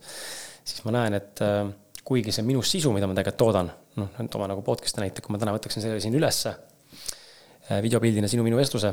siis mingil põhjusel Youtube on mul väga paljud, ütleme isegi peaaegu pooled, pooled üles laetud videod, mis on filmitud enda stuudios mul, on pannud peale, et ma ei saa sealt pealt raha teenida, sest et mul puuduvad autoriõigused. mis on väga huvitav koht jälle, mis mind paneb mõtlema, kuidas see saab üldse võimalik olla sest et see on minu sisu nullist sajani, et kuidas ma ei ole siis autoriõigustega, kuidas, kuidas, kellel need õigused on siis? ehk siis nagu sa näed, Kris, see tsensuur on päris asi uh. Mhm. -huh nii et selles mõttes ma loodan, et see jah, mõnes mõttes muutub, et, et seda, seda muutust tegelikult oleks nagu vaja. sest et natuke on see mõnes mõttes ebaaus ja ebavõrdne selle koha pealt. kui keegi dikteerib või otsustab sinu nagu mingi asja üle. just ja, ja noh, mina olles selline noh, siiras detsentraliseerituse fänn, mina leian ka, et, et kellelgi ühel isikul ei ole õigust minna sellisesse nii-öelda noh, parema sõna puudumisel jumala rolli ja öelda, et see, mida sina ütled, on vale, aga see, mida keegi teine ütleb, on õige. et, et see sellist hooba tegelikult ei tohi, ei tohiks olla, et sellepärast äh, ma leian, et need projektid äh, sellisel tsentraliseeritud äh, protokollidel sotsiaalmeedia võtmes on, on vägagi teretulnud. üldse Defi, Defi platvormid on viimastel aastatel siin jõuliselt kasvanud, ma olen ka mõnes projektis nagu kaasa löönud ja, ja noh, jälle selle, see on nagu nii eraldi valdkond, et sellesse peab nagu korralikult süvenema, aru saama. ka seal on väga palju skämme ja pettus, pettuskeeme aga nii mõnedki projektid tegelikult on väga palju lubavad ja, ja on nagu mind pannud mõtlema ka, et mm, saab ka nagu teistmoodi teha neid finantsasju üldse ja ajada asju. aga jällegi see on niivõrd noh, mõnes mõttes nagu krüpto isegi, et äh, ta alam, alamsektori või kategooriana on ka niivõrd äh, vana seda maailma või töötavat mudelit äh, hävitav ja muutev ja ohustav ja raputav, et noh, ega seda väga hästi ei taheta alguses vastu võtta, et ollakse loomulikult selle kahe sarve ja kümne küünega vastu aga noh, me näeme lihtsalt ajaga, ma arvan, et üha rohkem see kasvab ja kasvab ja, ja see maailm liigub selles suunas, et need saavad nagu normaalseks. kas sa oled mõelnud selle peale ka, et äh, milline, milline mm, ütleme, mõju või roll võiks olla ai-l krüptodega? täna juba on neid projekte olemas küll, kes tegelevad äh, on nagu ai ja krüptopõhised, üks neist äh, mul praegu vot ei tule nimi meelde, aga mäletan, äh, mul on desktop'is isegi arvutis olemas salvestatud leht, kes äh, tegelebki ai ja krüpto on kokku toonud, tegelikult päris tuntud projekt isegi, aga nimi ei tule meelde, aga et ai täna kasvab väga jõuliselt igast chat GPT-d ja, ja videode mingid asjad ja saab siin juba tõlkida ja lugeda endale taab subtiitrid ja keelt peale ja teeb sulle pilte ja graafilist disaini, kõike juba teeb see ai, on ju. et kus sa nagu näed ai ja krüptovaluuta omavahelist seost siin lähitulevikus ja kuhu see viia võiks? sest tegelikult täna kaubeldakse ka juba ai-ga, kus inimesed panevad su robotteenused tööle, eks ole, ja robot kaupleb sulle nii-öelda. jaa, et see on üks, üks näide, aga, aga nii-öelda kui see ai tuli, siis, siis ka väga paljud eh, nii-öelda krüptorahad, mis justkui väitsid, et nad on kuidagi ai-ga seotud,